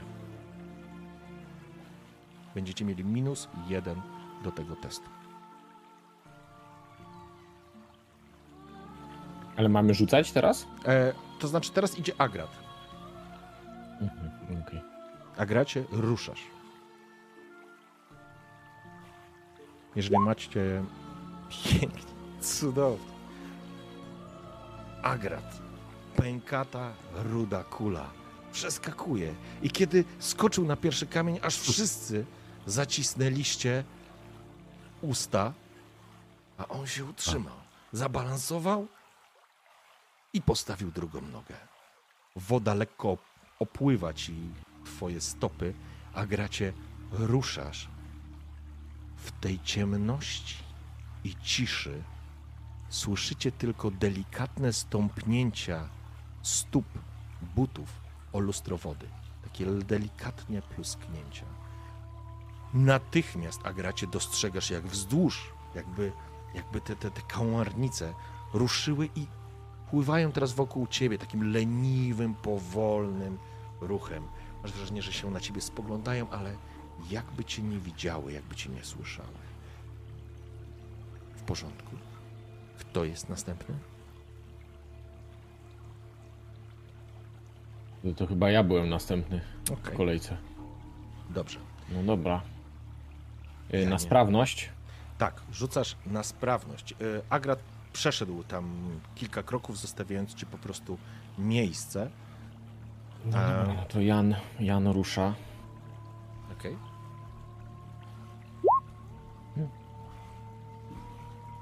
Ciężko może być. Chyba nie przerzucam, bo tu szansa... Znaczy, co się dzieje, jak nie, nie wyrzucę? Bo dla mnie wyrzucić tutaj to, To znaczy może tak, być je- kilka prób. Jeżeli zrobisz, em, jeżeli nie uda ci się, prawdopodobnie wpadniesz do wody. Mhm. No to może jeszcze raz spróbuję. To wtedy będziesz mógł przerzucać. Pamiętaj również o swoim tym. Pamiętajcie o punktach fabuły. A. To jeszcze raz przerzucę. To znaczy, jeżeli przerzucisz, No już przerzuciłem, no już koniec, no. Wydarzyło się. Okej, w porządku. Co się dzieje? Gdzieś wśród tych kamieni jest Abi, spogląda tylko na Agrata, widzi, że Agrat idzie, widziałeś wśród ciemności jego twarz, uśmiechnęła się. Jan wskoczył na pierwszy kamień. Zauważyłeś, widarzy, jak natychmiast, bo ty to widzisz automatycznie, zresztą każdy to widzi, jak Jan po prostu traci równowagę, jak próbuje się złapać, jak uderza tak naprawdę, stawia drugą stopę na drugim kamieniu, żeby złapać równowagę, jak plusnął, jak natychmiast, a gracie widzisz wszystkie służki, które są obok ciebie, natychmiast zwracają swoją uwagę w kierunku Jana i ruszają. Masz wrażenie, jak po, prostu pod wodą, pod tym lustrem wody widzisz te cienie, które po prostu ruszają w jego stronę. Jan obraca się na, na was. Takim niemym krzyku widzicie, jak jego postać zwala się do wody po lewej stronie. Jako, że ja jestem za nim, to rozumiem, że nie mogę go jakoś tam Nie, bo on wskoczył. On wskoczył. Ale, aha, dobra. On wskoczył pierwszy, pamiętajcie, że wy jesteście z tej półki, wchodzicie do środka. Tak, Jemu tak, nie tak. wyszło. I teraz, Torgot, jesteś ty. Oczywiście możesz zrobić, co uważasz za stosowne. Mm, pamiętaj o tym, tylko przypominam, co mówił, e, co mówił nasz towarzysz Abi, żeby nikt nie wskakiwał. Ale to jest e, wasza decyzja, więc... E, wskakiwać, wskakiwać bym nie chciał, ale jak już wykonam ten ruch do przodu, tak? Jak już, jak już pójdę i wskoczę na tę skałkę, Mhm. tak? To jeżeli to jest możliwe, chciałbym się też schylić i jeżeli mi w rzutach wypadnie jeżeli się uda, to może ręką za karczycho, tak, za koszulkę, za cokolwiek tego Jana jednak wyciągnąć. Wskakiwać za nim nie wskoczę, ale może się Okej. uda. Więc na co mam rzucić? E, najpierw chciałbym, żebyś rzucił sobie na. E, chciałbym, żebyś Sprawność. sobie rzucił tak na sprawność. Normalnie rzucasz. Pamiętaj, i nie wiem, czy macie. Pamiętajcie, że macie punkty fabuły. Możecie z nich Tak, skorzystać. tak, tak, wiem, wiem. To jest wasza Dobra, decyzja. Na minus jeden rzucam, tak? Tak. I teraz to forsuję. Czyli dodaję sobie. Okej. E, teraz tak, poczekaj, poczekaj, poczekaj, poczekaj, Torgot. Mhm. Rzuć jeszcze jedną kością e, stresu. No dobra, e, w- tylko stres, tak? Teraz na razie, tak, wszyscy po tym, jak wpadł Jan do środka, do wody, A, wszyscy dobra. dodajecie sobie kość stresu. I teraz rzuć samą kością stresu. Nie wiem, czy rzuciłem. Chyba nie. Jeszcze Nie. raz. Masz tam przycisk. Z, Okej. w, No i to poczek- chciałem forsować, nie? nie, teraz już nie możesz forsować. Jak wypada Ale ci... ja już tą kość stres- stresu miałem. A, nie tak, mogę. miałeś, bo Jan wpadł do wody i to jest element, który dał wam e, kość stresu. I w tym punkt momencie... fabuły mo- mogę wykorzystać? E, ale ty masz e, talent. Jaki? Masz talent, który niweluje ci cały e, pecha na, na tym. No tak, ale jak nie mogę forsować, to i tak mam pecha, nie? I tak nie, nie, nie, jeże, ale to znaczy A, tak. Możesz czyli wtedy, możesz wtedy ściągnąć, ściągnąć możesz tego pecha i wtedy Dobra. uznamy, że możesz forsować albo spalasz Dobra. punkt fabuły. To zróbmy to. To Okej, w porządku. tego pecha. Okej? Eee, I, I teraz pytanie, dodaję czy sobie korzyst... kolejny stres, tak? dodajesz sobie, jeżeli chcesz forsować, dodasz sobie kolejny Chcę. stres. Tak, Eee, chcę forsować. Nie korzystasz z punktu fabuły, rozumiem. Jeszcze nie. Okej, Eee, I dalej minus jeden ma być, tak? tak, Dalej minus jeden. Zobaczymy. w porządku. Było Pięknie. warto. No, czyli Pięknie. chciałbym wskoczyć na ten kamień, jak Elegancko. mówiłem, i jeżeli Pykło, to jest możliwe, to po prostu jeżeli ten Jan jeszcze tam jest, pod moimi nogami, tak obok tej skały, to go sięgnąć ręką, spróbować go po prostu wyciągnąć do góry. Sytuacja jest następująca. Wskoczyłeś, Torgot. Chciałeś być szybki. To znaczy tak, on po prostu wskoczył, przeskoczył na drugi i się zwalił do wody. Natychmiast rzuciłeś się za nim i jest teraz taka sytuacja, że jeżeli go złapiesz, nie wiesz, co się stanie. Może być sytuacja, w której służki będą chciały go złapać, przytrzymać, wciągnąć pod wodę. Jeżeli Jan w tym stanie chwyci ciebie, to jak tonący pociągnie cię za sobą. Więc pytanie, czy chcesz to zrobić i zaryzykować? Tak, tak. W porządku. Więc jest taka sytuacja. Torgot natychmiast, widzisz, widać, jak on wyskakuje, jak z, z procy na te kamienie, łapie równowagę jak szaleniec, zanurza się tak naprawdę w wodzie, łapę w momencie, kiedy Jan pod tą powierzchnią zniknął. I jest dokładnie, Torgocie, tak jak e, powiedziałem. Jan, jesteś pod wodą, czujesz jak istoty, które wypełniają tą powierzchnię, natychmiast są wokół ciebie. Jak Kobiety macki do mnie mają. jak macki cię, trudno powiedzieć, czy to są kobiety, jak macki cię oplatają i po prostu utrzymu, próbują cię utrzymać. Czujesz, jak zaczynają wysysać z ciebie energię życiową. Janie, siła, nie zdrowie, minus jeden. Czujesz, jak Torgot, jak ręka cię łapie, ktoś cię łapie, nie wiesz kto z góry. Torgocie, ty wisisz Rzucam na siłę, czy nie? ty widzisz, i teraz będzie e, sytuacja, w której będziemy się siłować. Ale siła to jest mój stat, tak? Bo E, obniżam tak, o tak, jeden tak. sobie. Tak, Ale obni- to zapamiętam, że kurde. Ob, obniżasz go o jeden, więc prośba, żebyś go po prostu sobie już wprowadził do karty. I teraz, Torgocie, będziesz rzucał. Będziesz rzucał przeciwko 10 kościom siły. Dawaj! Nie wiadomo, czy tam się uda, nie? Z tymi dziesięcioma, więc Jeżeli to ci kto się. pierwszy rzuca? Jeżeli ty rzucasz. Jeżeli ci się nie uda, to To wpadniesz mam do punkt wody. fabuły. Okej. Okej. Dobra, to rzucam siłę, tak? Po prostu siła. Tak, rzucasz siłę. E, czyli kość, kość podstawowa i daje 5. Mhm. Dobra. Nie wyszło, ale, ale nie ma ten, nie ma mojego stresu tutaj. Dlaczego?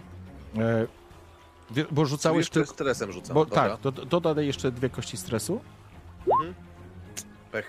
U, pech. No to chciałbym użyć punktu fabuły, no bo to inaczej nie ma sensu. Tylko punktem fabuły nie zmarzesz pecha. No ale zrobię sukces, nie? Tak, będziesz miał sukces. A ja teraz rzucę za. Czyli, czyli rzut po prostu będzie udany. E, tak, ale to jest przeciwstawny. Więc zobaczmy jak to wyjdzie. Trzymajcie kciuki. Jeden na jeden, ale w tej sytuacji ile masz siły? O Boże. No ja mam pięć. Pięć. Okej, Pięć punktów siły. więc i masz jeszcze, masz jeszcze na adrenalinie, więc Jeszcze Jan tam robi gul, gul, gul, jak cię uczyłem. w- wracając, wracając do sytuacji, więc jest, jest dokładnie tak, jak opowiedziałem. Torgot rzucił się, chwycił. Janie, zauważyłeś, to odruch, to instynkt, to jest walka o życie w tym momencie. Te macki oplatają cię i czujesz, jak wysysają z ciebie życie. Wystrzeliłeś ręką do ręki Torgota. Złap, nie, nie wiesz, czyja to ręka, ale ktoś ci podaje rękę. To jest walka o życie. Wpijasz się z niesamowitą, nieludzką siłą człowieka, który walczy o swoje życie. Torgocie udało ci się go złapać. Mógłbyś się posiłować, ale zadziałałeś za szybko, zbyt intensywnie i czujesz, jak tracisz równowagę. Jan, wciągasz Torgota, który nie jest w stanie utrzymać się na tych kamieniach i wpada z tobą do wody. Wider. Ojej. No, to Widar y, chce zrobić to samo, co Torgot zrobił, tylko że tym razem musi wyciągnąć ich obu. Czy to jest w ogóle możliwe technicznie, fizycznie? E, wiesz co, e, widzisz jak ta woda zaczyna kotłować, tak jak rybom zrzuca się karmę, tak, e, tak tam po prostu zaczyna się to kotłować. I Szkoda, że to taki Wiedźmin bez mocy. Jan wpadł do wody. Zanim widziałeś, Torgota wciągnął. To znaczy, tam nie ma oparcia. Musiałby być niezwykle silny i jeszcze się złapać. E, Jest to niezwykle trudne. Co robisz? No to przeskakuję tam i próbuję po prostu, widząc, że tamten poleciał, próbuję po prostu no, chwycić Torgota, bo on chyba jest bliżej i Tak. pociągnąć ich obu, no, wyciągnąć ich z tego, z Dobrze. tej, z tej topieli. Okej. Czyli tak, na co mam najpierw rzucić? Rzucasz na sprawność. I to jest kluczowy, na, kluczo, kluczowy test w tym No momencie. inaczej nie wskoczysz na skałę, nie? Jak ten rzut mi nie wyjdzie, to, to ja nie wiem. Oh, yeah! Jeden sukces. E, e, co się stało, Widarze? Wskoczyłeś natychmiast, zareagowałeś e, natychmiast, wskoczyłeś na ten kamień, lecąc, biegnąc tak naprawdę, balansując wśród tych kamieni, po tych kamieniach, żeby chwycić kogokolwiek tak naprawdę. Ale zanim dobiegłeś, zanim stanąłeś w miejscu, przed, w którym, przed chwilą, z którego Torgot spadł do tej wody, widzisz, jak po prostu nad nim zamknęła się już, zamknęła się tafla wody. Widzisz tylko pod, nim, pod, pod tą cienką taflą, jakbyś przez woalkę spoglądał, widzisz po prostu ileś tam istot, które krążą, cieni, które krążą pod wodą. I teraz tak, Torgocie, minus jeden do siły, to jest efekt, plus jeden do adrenaliny. Ile ja nie masz adrenaliny w tym momencie?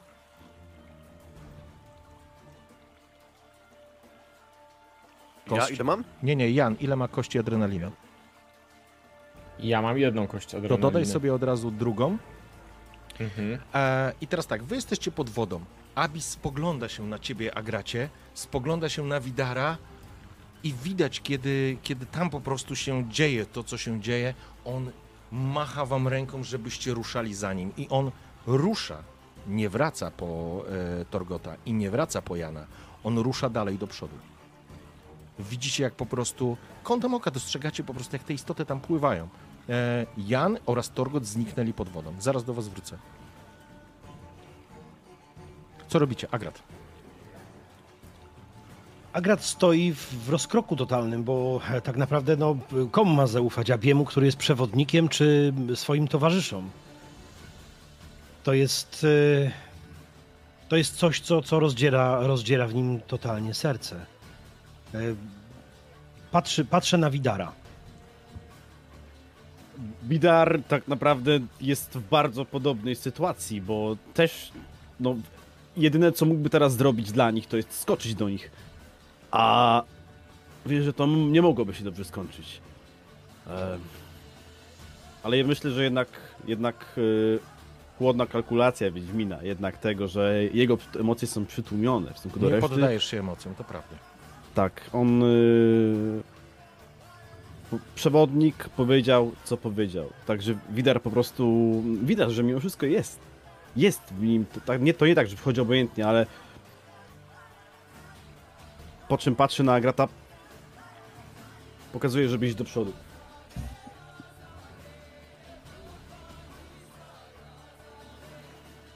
Co robicie? Agrat? Decyzja. Widzisz, Widara wskazuje. Abi jest już kilkanaście kamieni dalej, pokazuje ci.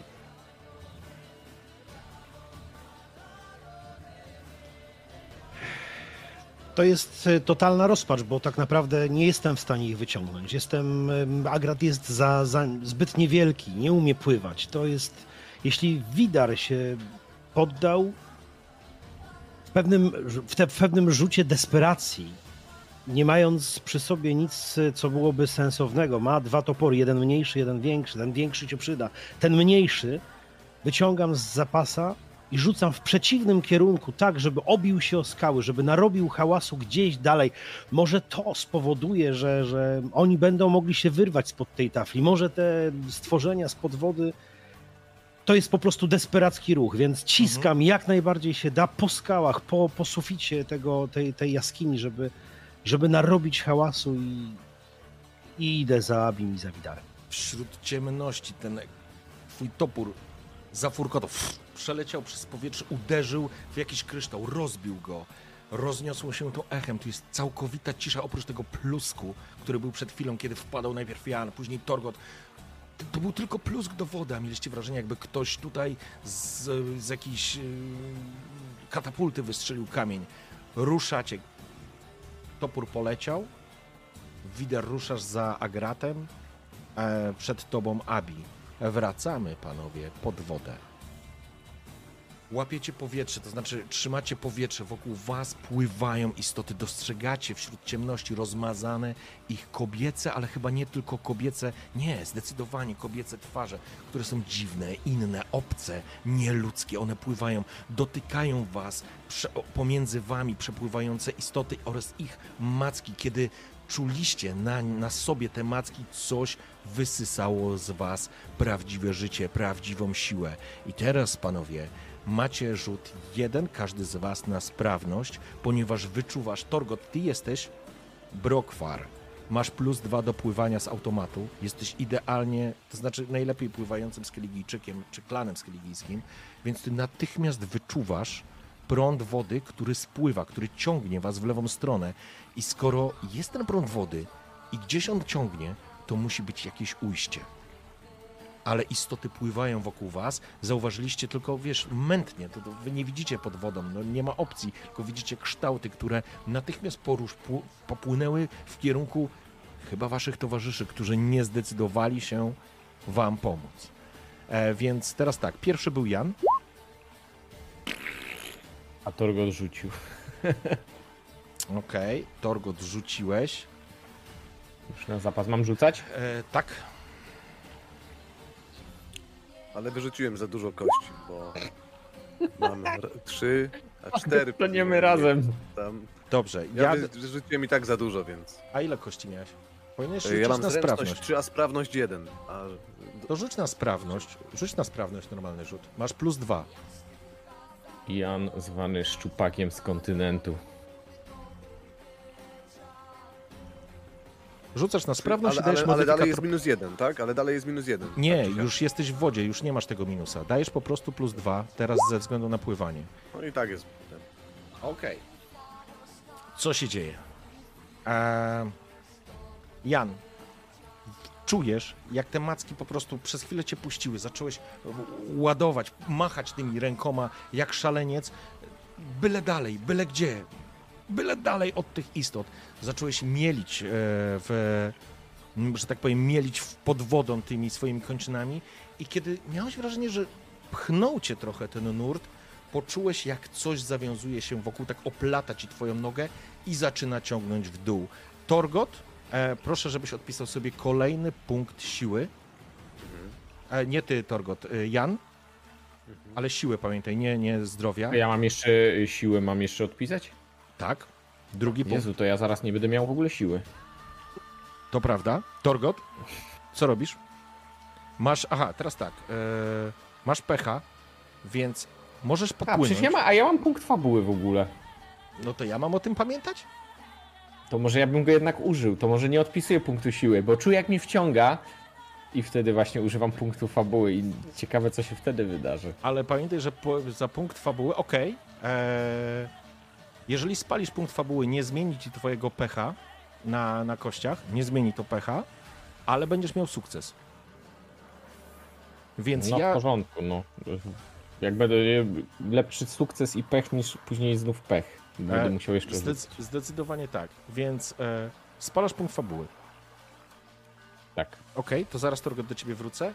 Janie, szale, szaleńczo młócisz tymi nogami i rękoma pod wodą tylko po to, żeby się uwolnić. Jakimś cudem udaje ci się uwolnić od tej macki, która cię przez chwilę trzymała. Może się ten, to, to coś nasyciło twoją siłą. Punkt siły i tak tracisz, natomiast wyrywasz się i zaczynasz szaleńczo machać rękoma, płynąć razem w kierunku strumienia, e, raczej prądu, który ściąga w lewo. Nabierasz prędkości i czujesz i widzisz, jak te istoty za tobą zaczynają płynąć.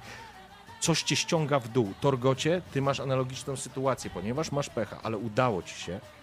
Wpadasz natychmiast w strumień, który zaczyna ciągnąć cię w kierunku prąd, zaczyna siła prądu e, tego strumienia zaczyna cię ciągnąć w, w lewą stronę. Gdzieś wśród ciemności widzisz chyba, chyba Jana, który płynie, ale nie udaje ci się uniknąć, kiedy wpadłeś i próbowałeś płynąć, znowu te macki, znowu te istoty, one cię dopadły. One również ściągnęły ci punkt życia, e, przepraszam, punkt, e, punkt siły. Chcę, żebyś sobie ściągnął. Dodajecie sobie, panowie, po jednej kości adrenaliny i porwani przez ten nurt e, rzeki zaczynacie płynąć, młócąc rękoma. Abi, Agrat i Widar przeskakujecie na drugi koniec. Widzieliście tylko e, istoty, które płynęły wzdłuż. Płynęły wzdłuż tych e, kamulców, czekając, szukając i licząc na to, że któremuś z was powinie się noga. Przeskakujecie na półkę, Abi już tam czeka. Agrat, wskakujesz, upadasz na ziemię. Zanim Widar, jesteście już po drugiej stronie. Abi spogląda się na was. Co z nimi? Co z nimi? Teraz pytasz, nie kazałeś im, nie kazałeś nam im pomóc. Zginęlibyśmy wszyscy. Nie wiem, czy ci ufać do końca. Co z tego, że jesteśmy we dwójkę tylko, jak nasi dwaj towarzysze. Widar przeskakuje w tym momencie również do wody, przeskakuje, wskakuje, że tak powiem, na półkę. Plusk e, tych istot, które zwabione waszymi głosami zaczynają wynurzać się e, z nad lustro wody, po prostu spoglądają się na was, jakby patrzyły ślepymi oczyma, ale nad słuchem was po prostu starają się lokalizować. Mają szansę, jeżeli im się udało, może spłyną. Musimy biec na dół, czym prędzej, jakbyście skoczyli.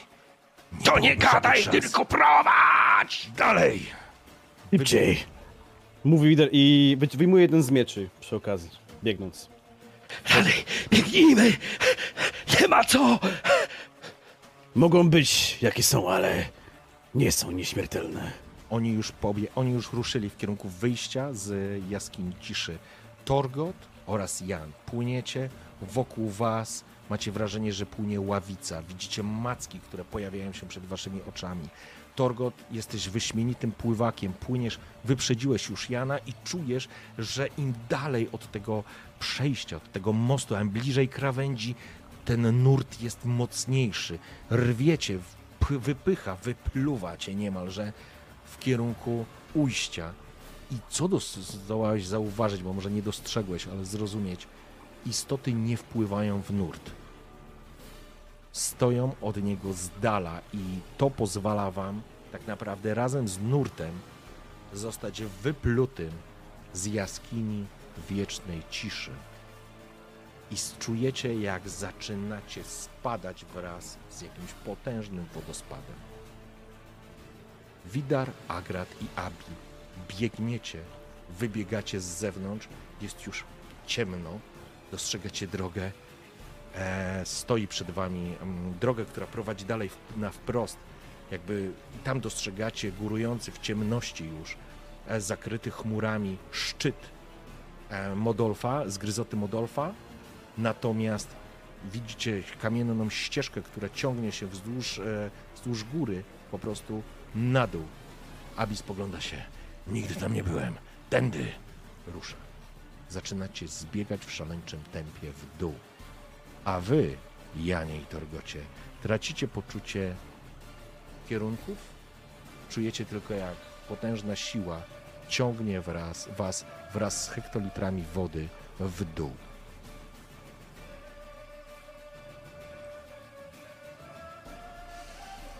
I zdecydowanie na dole szybciej będzie Jan i Torgot. Lecicie w dół, uderzacie o jakieś kamienne występy, o jakieś kawałki skał, o jakieś elementy, które, które są naturalną częścią tego wodospadu. Ból, który towarzyszy tym, tym uderzeniom, jest zdecydowanie mocny. Odczuwacie każde uderzenie, tylko po to, żeby po którymś z nich już nie odczuwać nic. Spadacie na ziemię, spadacie razem z wodą w lustro jakiegoś jeziorka czy czegoś takiego. Wasze zdrowie schodzi na zero. Chciałbym, Czy zdrowie? Aha. zdrowie, punkty zdrowia macie zero, tracicie przytomność tak naprawdę, jesteście w oderwaniu od, e, no oderwani od tej, od, od tej rzeczywistości. E, świadomość wam uciekła. Będę chciał, żebyście, słuchajcie, rzucili sobie na ranę krytyczną. Ważna rzecz, To jak się rzuca na ranę krytyczną? K66. E, ale interesuje mnie tak naprawdę, poczekaj, zaraz wam powiem, e, Ja tego niepowstrzymanego nie mogę rzucić teraz, nie? E, nie, to nawet jeżeli nie powstrzymany. Schodzisz przy, tych, przy tym locie. em, ilość obrażeń, które dostajecie, jest wyjątkowo duża. Chociaż wiesz co, ale rzuć sobie niepowstrzymanego. To jest z ciekawości. Dobra. To jest na walkę wręcz. Z tym stresem całym, jaki mam, rozumiem. Nie, tak? nie, rzucasz tylko na siłę. Niepowstrzymany jest tylko na siłę. To jest twoja wewnętrzna siła, która pozwala ci zniwelować e, obrażenia. Nie, wiesz co ci pozwolę? Inną rzecz ci pozwolę, Torgot. Dzięki niepowstrzymanemu będziesz mógł rzucić dwa razy na tabeli krytycznej i będziesz mógł wybrać lżejszy efekt obrażenia. Co to jest tabela krytyczna? E, w momencie, kiedy schodzisz poniżej y, do zera, zaczynasz wchodzić w faktycznie krytyczne obrażenia. To są, one się generalnie dzielą na śmiertelne i takie, które są, e, że tak powiem, nie zagrażające życiu, ale będą ci, że tak powiem, mocno przeszkadzać. Możesz złamać nogę na przykład, e, albo możesz zmierzyć sobie czaszkę, ale to jest najgorszy, najgorszy format, więc e, chciałbym, żebyście rzucili sobie e, e, Fajnie, że to wy wpadliście, naprawdę, bo wy macie narzędzia, które pozwolą wam przeżyć. E, Janie, ponieważ ty masz e, również e, talent swój, pamiętasz Mam który, w nie? czepku urodzony. E, szkoda, że nie pamiętam. pamiętasz o tych swoich talentach. E, Nie no, ja pamiętam, patrzę Okej. na niego, właśnie sobie czytam i się zastanawiam, czy to na pewno jest akcja. Już e, czuję, że może, może Rzuc- ominie mnie chcę, że- upadek na głowę. Chcę, żebyście rzucili sobie K66. A Każdy z im więcej, tym lepiej, czy im mniej, Nie, tym lepiej? im mniej, tym lepiej. Jan 21. Torgot 64. 64. O, Można oddać mu punkt fabuły? zgnieciona czaszka. E, e, ponieważ masz e, swojego, masz swój talent, e, możesz, przy, tak jak powiedziałem, rzucić jeszcze raz w tej sytuacji. Masz punkt Dobra. fabuły? Nie, już zużyty. Okej. 36. Dobrze. Cudownie. Złamana ręka. Dużo lepiej. Tylko jedna? mam drugą. Dużo Dobrze. lepiej. E, padacie. Dobrze, Jan, że nie moja. mm, Jan e, zostajesz przy tym wyniku, który ci Tak jak cię uczyłem. czyli No chyba zostaje, czy, a jak przerzucę... ucho. To jest Ha, bo ucho. Czym ja mogę? A nie, naderwane ucho, to co to dla mnie naderwane Nie, no, ucho? po prostu wiesz, wisi ci na skrawku skóry, ale teraz jesteście obaj nieprzytomni, więc w ogóle, więc w ogóle nie wiecie, co się wydarzyło. Spadacie z hukiem i ostatnią rzecz to podczas lotu utraciliście świadomość po kolejnym uderzeniu, może w głowę, może gdziekolwiek indziej. Wy biegniecie w dół. Abi popędza, z przodu Agrat, utrzymując praktycznie to samo tempo i Widar. Zbiegacie przed wami długa droga w dół. To są góry. Wśród ciemności, wycia wilków, już może nie szumu strumienia, bo już go nie ma, biegniecie na pomoc swoim towarzyszom. Duje wiatr, ale nie macie czasu się zastanawiać, czy wam jest zimno. Kiedy tak Jan i Torgot leżycie w jakiejś takim niewielkim jeziorku, na jakichś otoczakach, macie wrażenie, nieważne ile to trwa, dostajecie taką, powiedziałbym, Wracacie, świadomość wam na chwilę wraca. Sekunda. Świadomość wam na chwilę wraca. Czujecie każdy centymetr swojego ciała. Czujecie, że jest wam bardzo, bardzo zimno. Czujecie, że nie macie siły. Czujecie, że jesteście wycieńczeni. Janie, twoje ucho po prostu czujesz, że coś jest nie tak z tym uchem, bo strasznie piecze cię prawa część twojej głowy. Dorgocie, czujesz potężny ból. Rzuć sobie kością. K6. Którą? K6. okej. E, ponieważ nie jesteś oburęczny. Kurde. Okej. E, To poczekaj chwileczkę. Wybierz sobie jeszcze raz. Lewa ręka to jest 1-3. Prawa ręka to jest e, 4-6. Jeżeli złamiesz swoją wiodącą rękę, będziesz miał utrudnienia w walce. Nie, myślę, że wolę to, tę lewą. Dobrze, a nie, nie. Jestem to, to, praworęczny. Poczekaj, oczywiście, ale teraz sobie rzucisz. 1-3 to łamiesz prawą, tak? 4-6 łamiesz lewą. Czy jak chcesz? Mi obojętnie. Chcę złamać lewą. A to rzuć jeden. To ile będzie lewa? Dobra, parzyste lewa, nieparzyste prawa. Dawaj. To co rzucać? K6. K6, dobra. 4. Parzyste była lewa, tak? Nie, Czapy. Nie, odwrotnie. nie parzyste Odwrotnie prawa, była? parzyste lewa. Jak? Sorry, ja Pa, zgubiałem. parzyste lewa, nie parzyste Okej, prawa. w porządku, czyli lewa ręka. To miałeś farta. Eee, w I to porządku. podwójnego, bo poprzednio też miałem fart. Dobrze, w porządku. E, W każdym razie wśród ciemności, gwiżdżącego wiatru, bólu, który przejmuje was, słyszycie obaj na skraju świadomości, słyszycie ciężkie kroki. Coś się do was zbliża. Otoczaki ugniotą się i zgrzytają pod ciężarem stóp albo czegoś, co do was idzie. Nie jesteście w stanie nawet zwrócić uwagi, co, co to może być, ale widzicie, jak coś dużego, albo inaczej, widzicie duży cień, który po prostu pada wam na twarz. Wy jesteście zamroczeni, leżycie, leżycie na tych otoczakach, obok was wali ten wodospad. Woda was przepchnęła, więc jesteście na swego rodzaju na jakimś brzegu. Zgrzyt. Coś podchodzi. Nie macie siły się ruszyć. Po czym w ciemność unosi się ryk. I czujesz, Janie, oraz czujesz, jak, Torgocie, jak coś się dużego nad wami pochyla, czujesz jakąś potężną łapę, która łapie cię tak w pół, podnosi, ciężko sapie. Druga istota podnosi ciebie, Janie, właściwie tak niemalże za głowę. Nie widzisz nic, bo trzyma cię za głowę i podnosi. Dyndasz bezwiednie. Coś cię przerzuca przez ramię. Twoje, twoja twarz zanurza się w jakimś futrze. Gęstym, szczeciniastym futrze. I to samo Torgocie ty czujesz, ponieważ to ten ktoś lub to coś przerzuca sobie ciebie również przez ramię.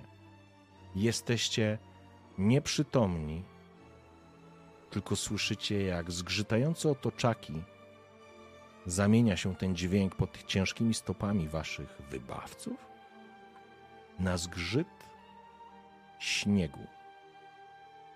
A potem świat przed wami się kończy i zasłania ciemną kotarą.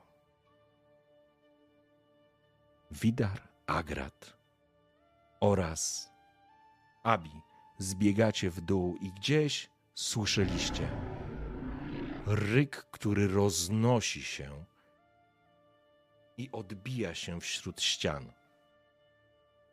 Zobaczyliście tylko, jak kruki gdzieś poleciały w górę spłoszone tym wrzaskiem. Abi spojrzał się na nich, na was. Yeti. Wpadli w ich łapy. Szybciej! Jest szansa, że żyją. zbiegacie, zbiegacie w dół. Piękny czas. Sam sobie pogratuluję. Zanim jednak zakończymy dzisiejszą sesję, będziemy mieli jeszcze dwie sceny. Króciutkie.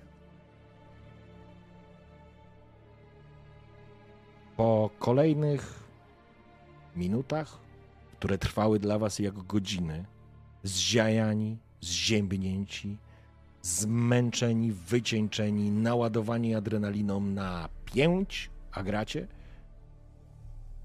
dobiegacie do podstawy, ledwo żywi, dyszycie. Wasze płuca pracują jak miechy, nawet Abi po prostu spluwa, ciężko łapiąc, łapiąc e, powietrze.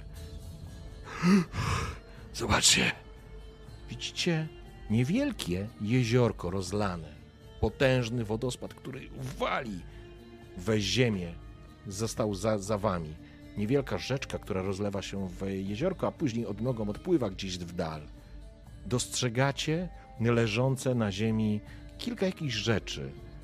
E, połamany łuk Jana, od razu sobie zmasz. E, Torgot, twój młot, od razu sobie go odrzuć, zniszczony. Widzicie skrawki ich ciuchów, jakichś rzeczy pomniejszych, które ewidentnie wskazują, że oni tu byli. Abi pochyla się, bo dostrzegacie na otoczakach potężne ślady. Dużych, dużych stóp.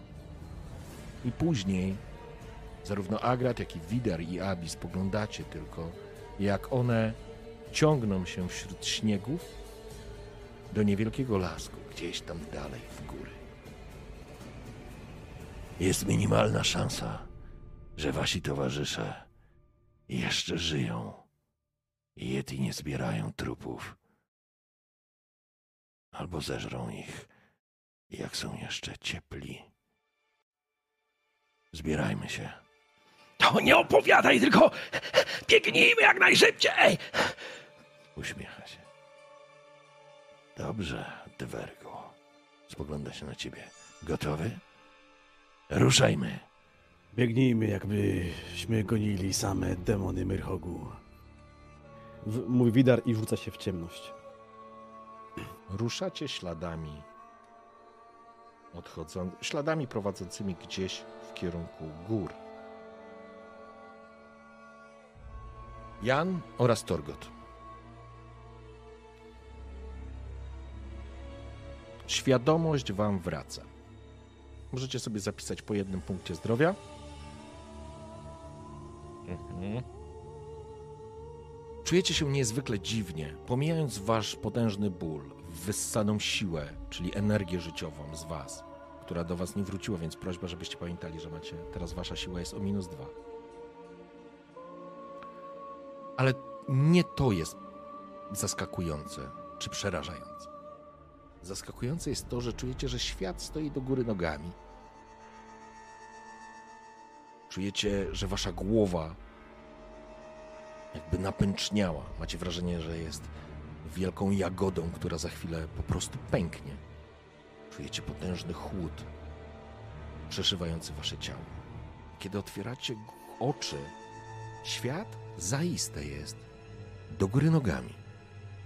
A wy wisicie. Spoglądacie tylko i wisicie, jakbyście byli umocowani do sufitu w jakiejś kawernie. Śmierdzi tu trupem. Widzicie kości, trochę krwi.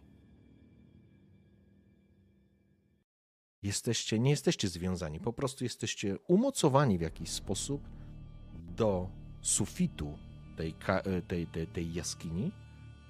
Natomiast z prawej strony widzicie dyndającą jeszcze jedną postać.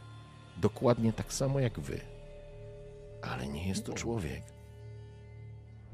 Jego bystre oczy spoglądają się na was.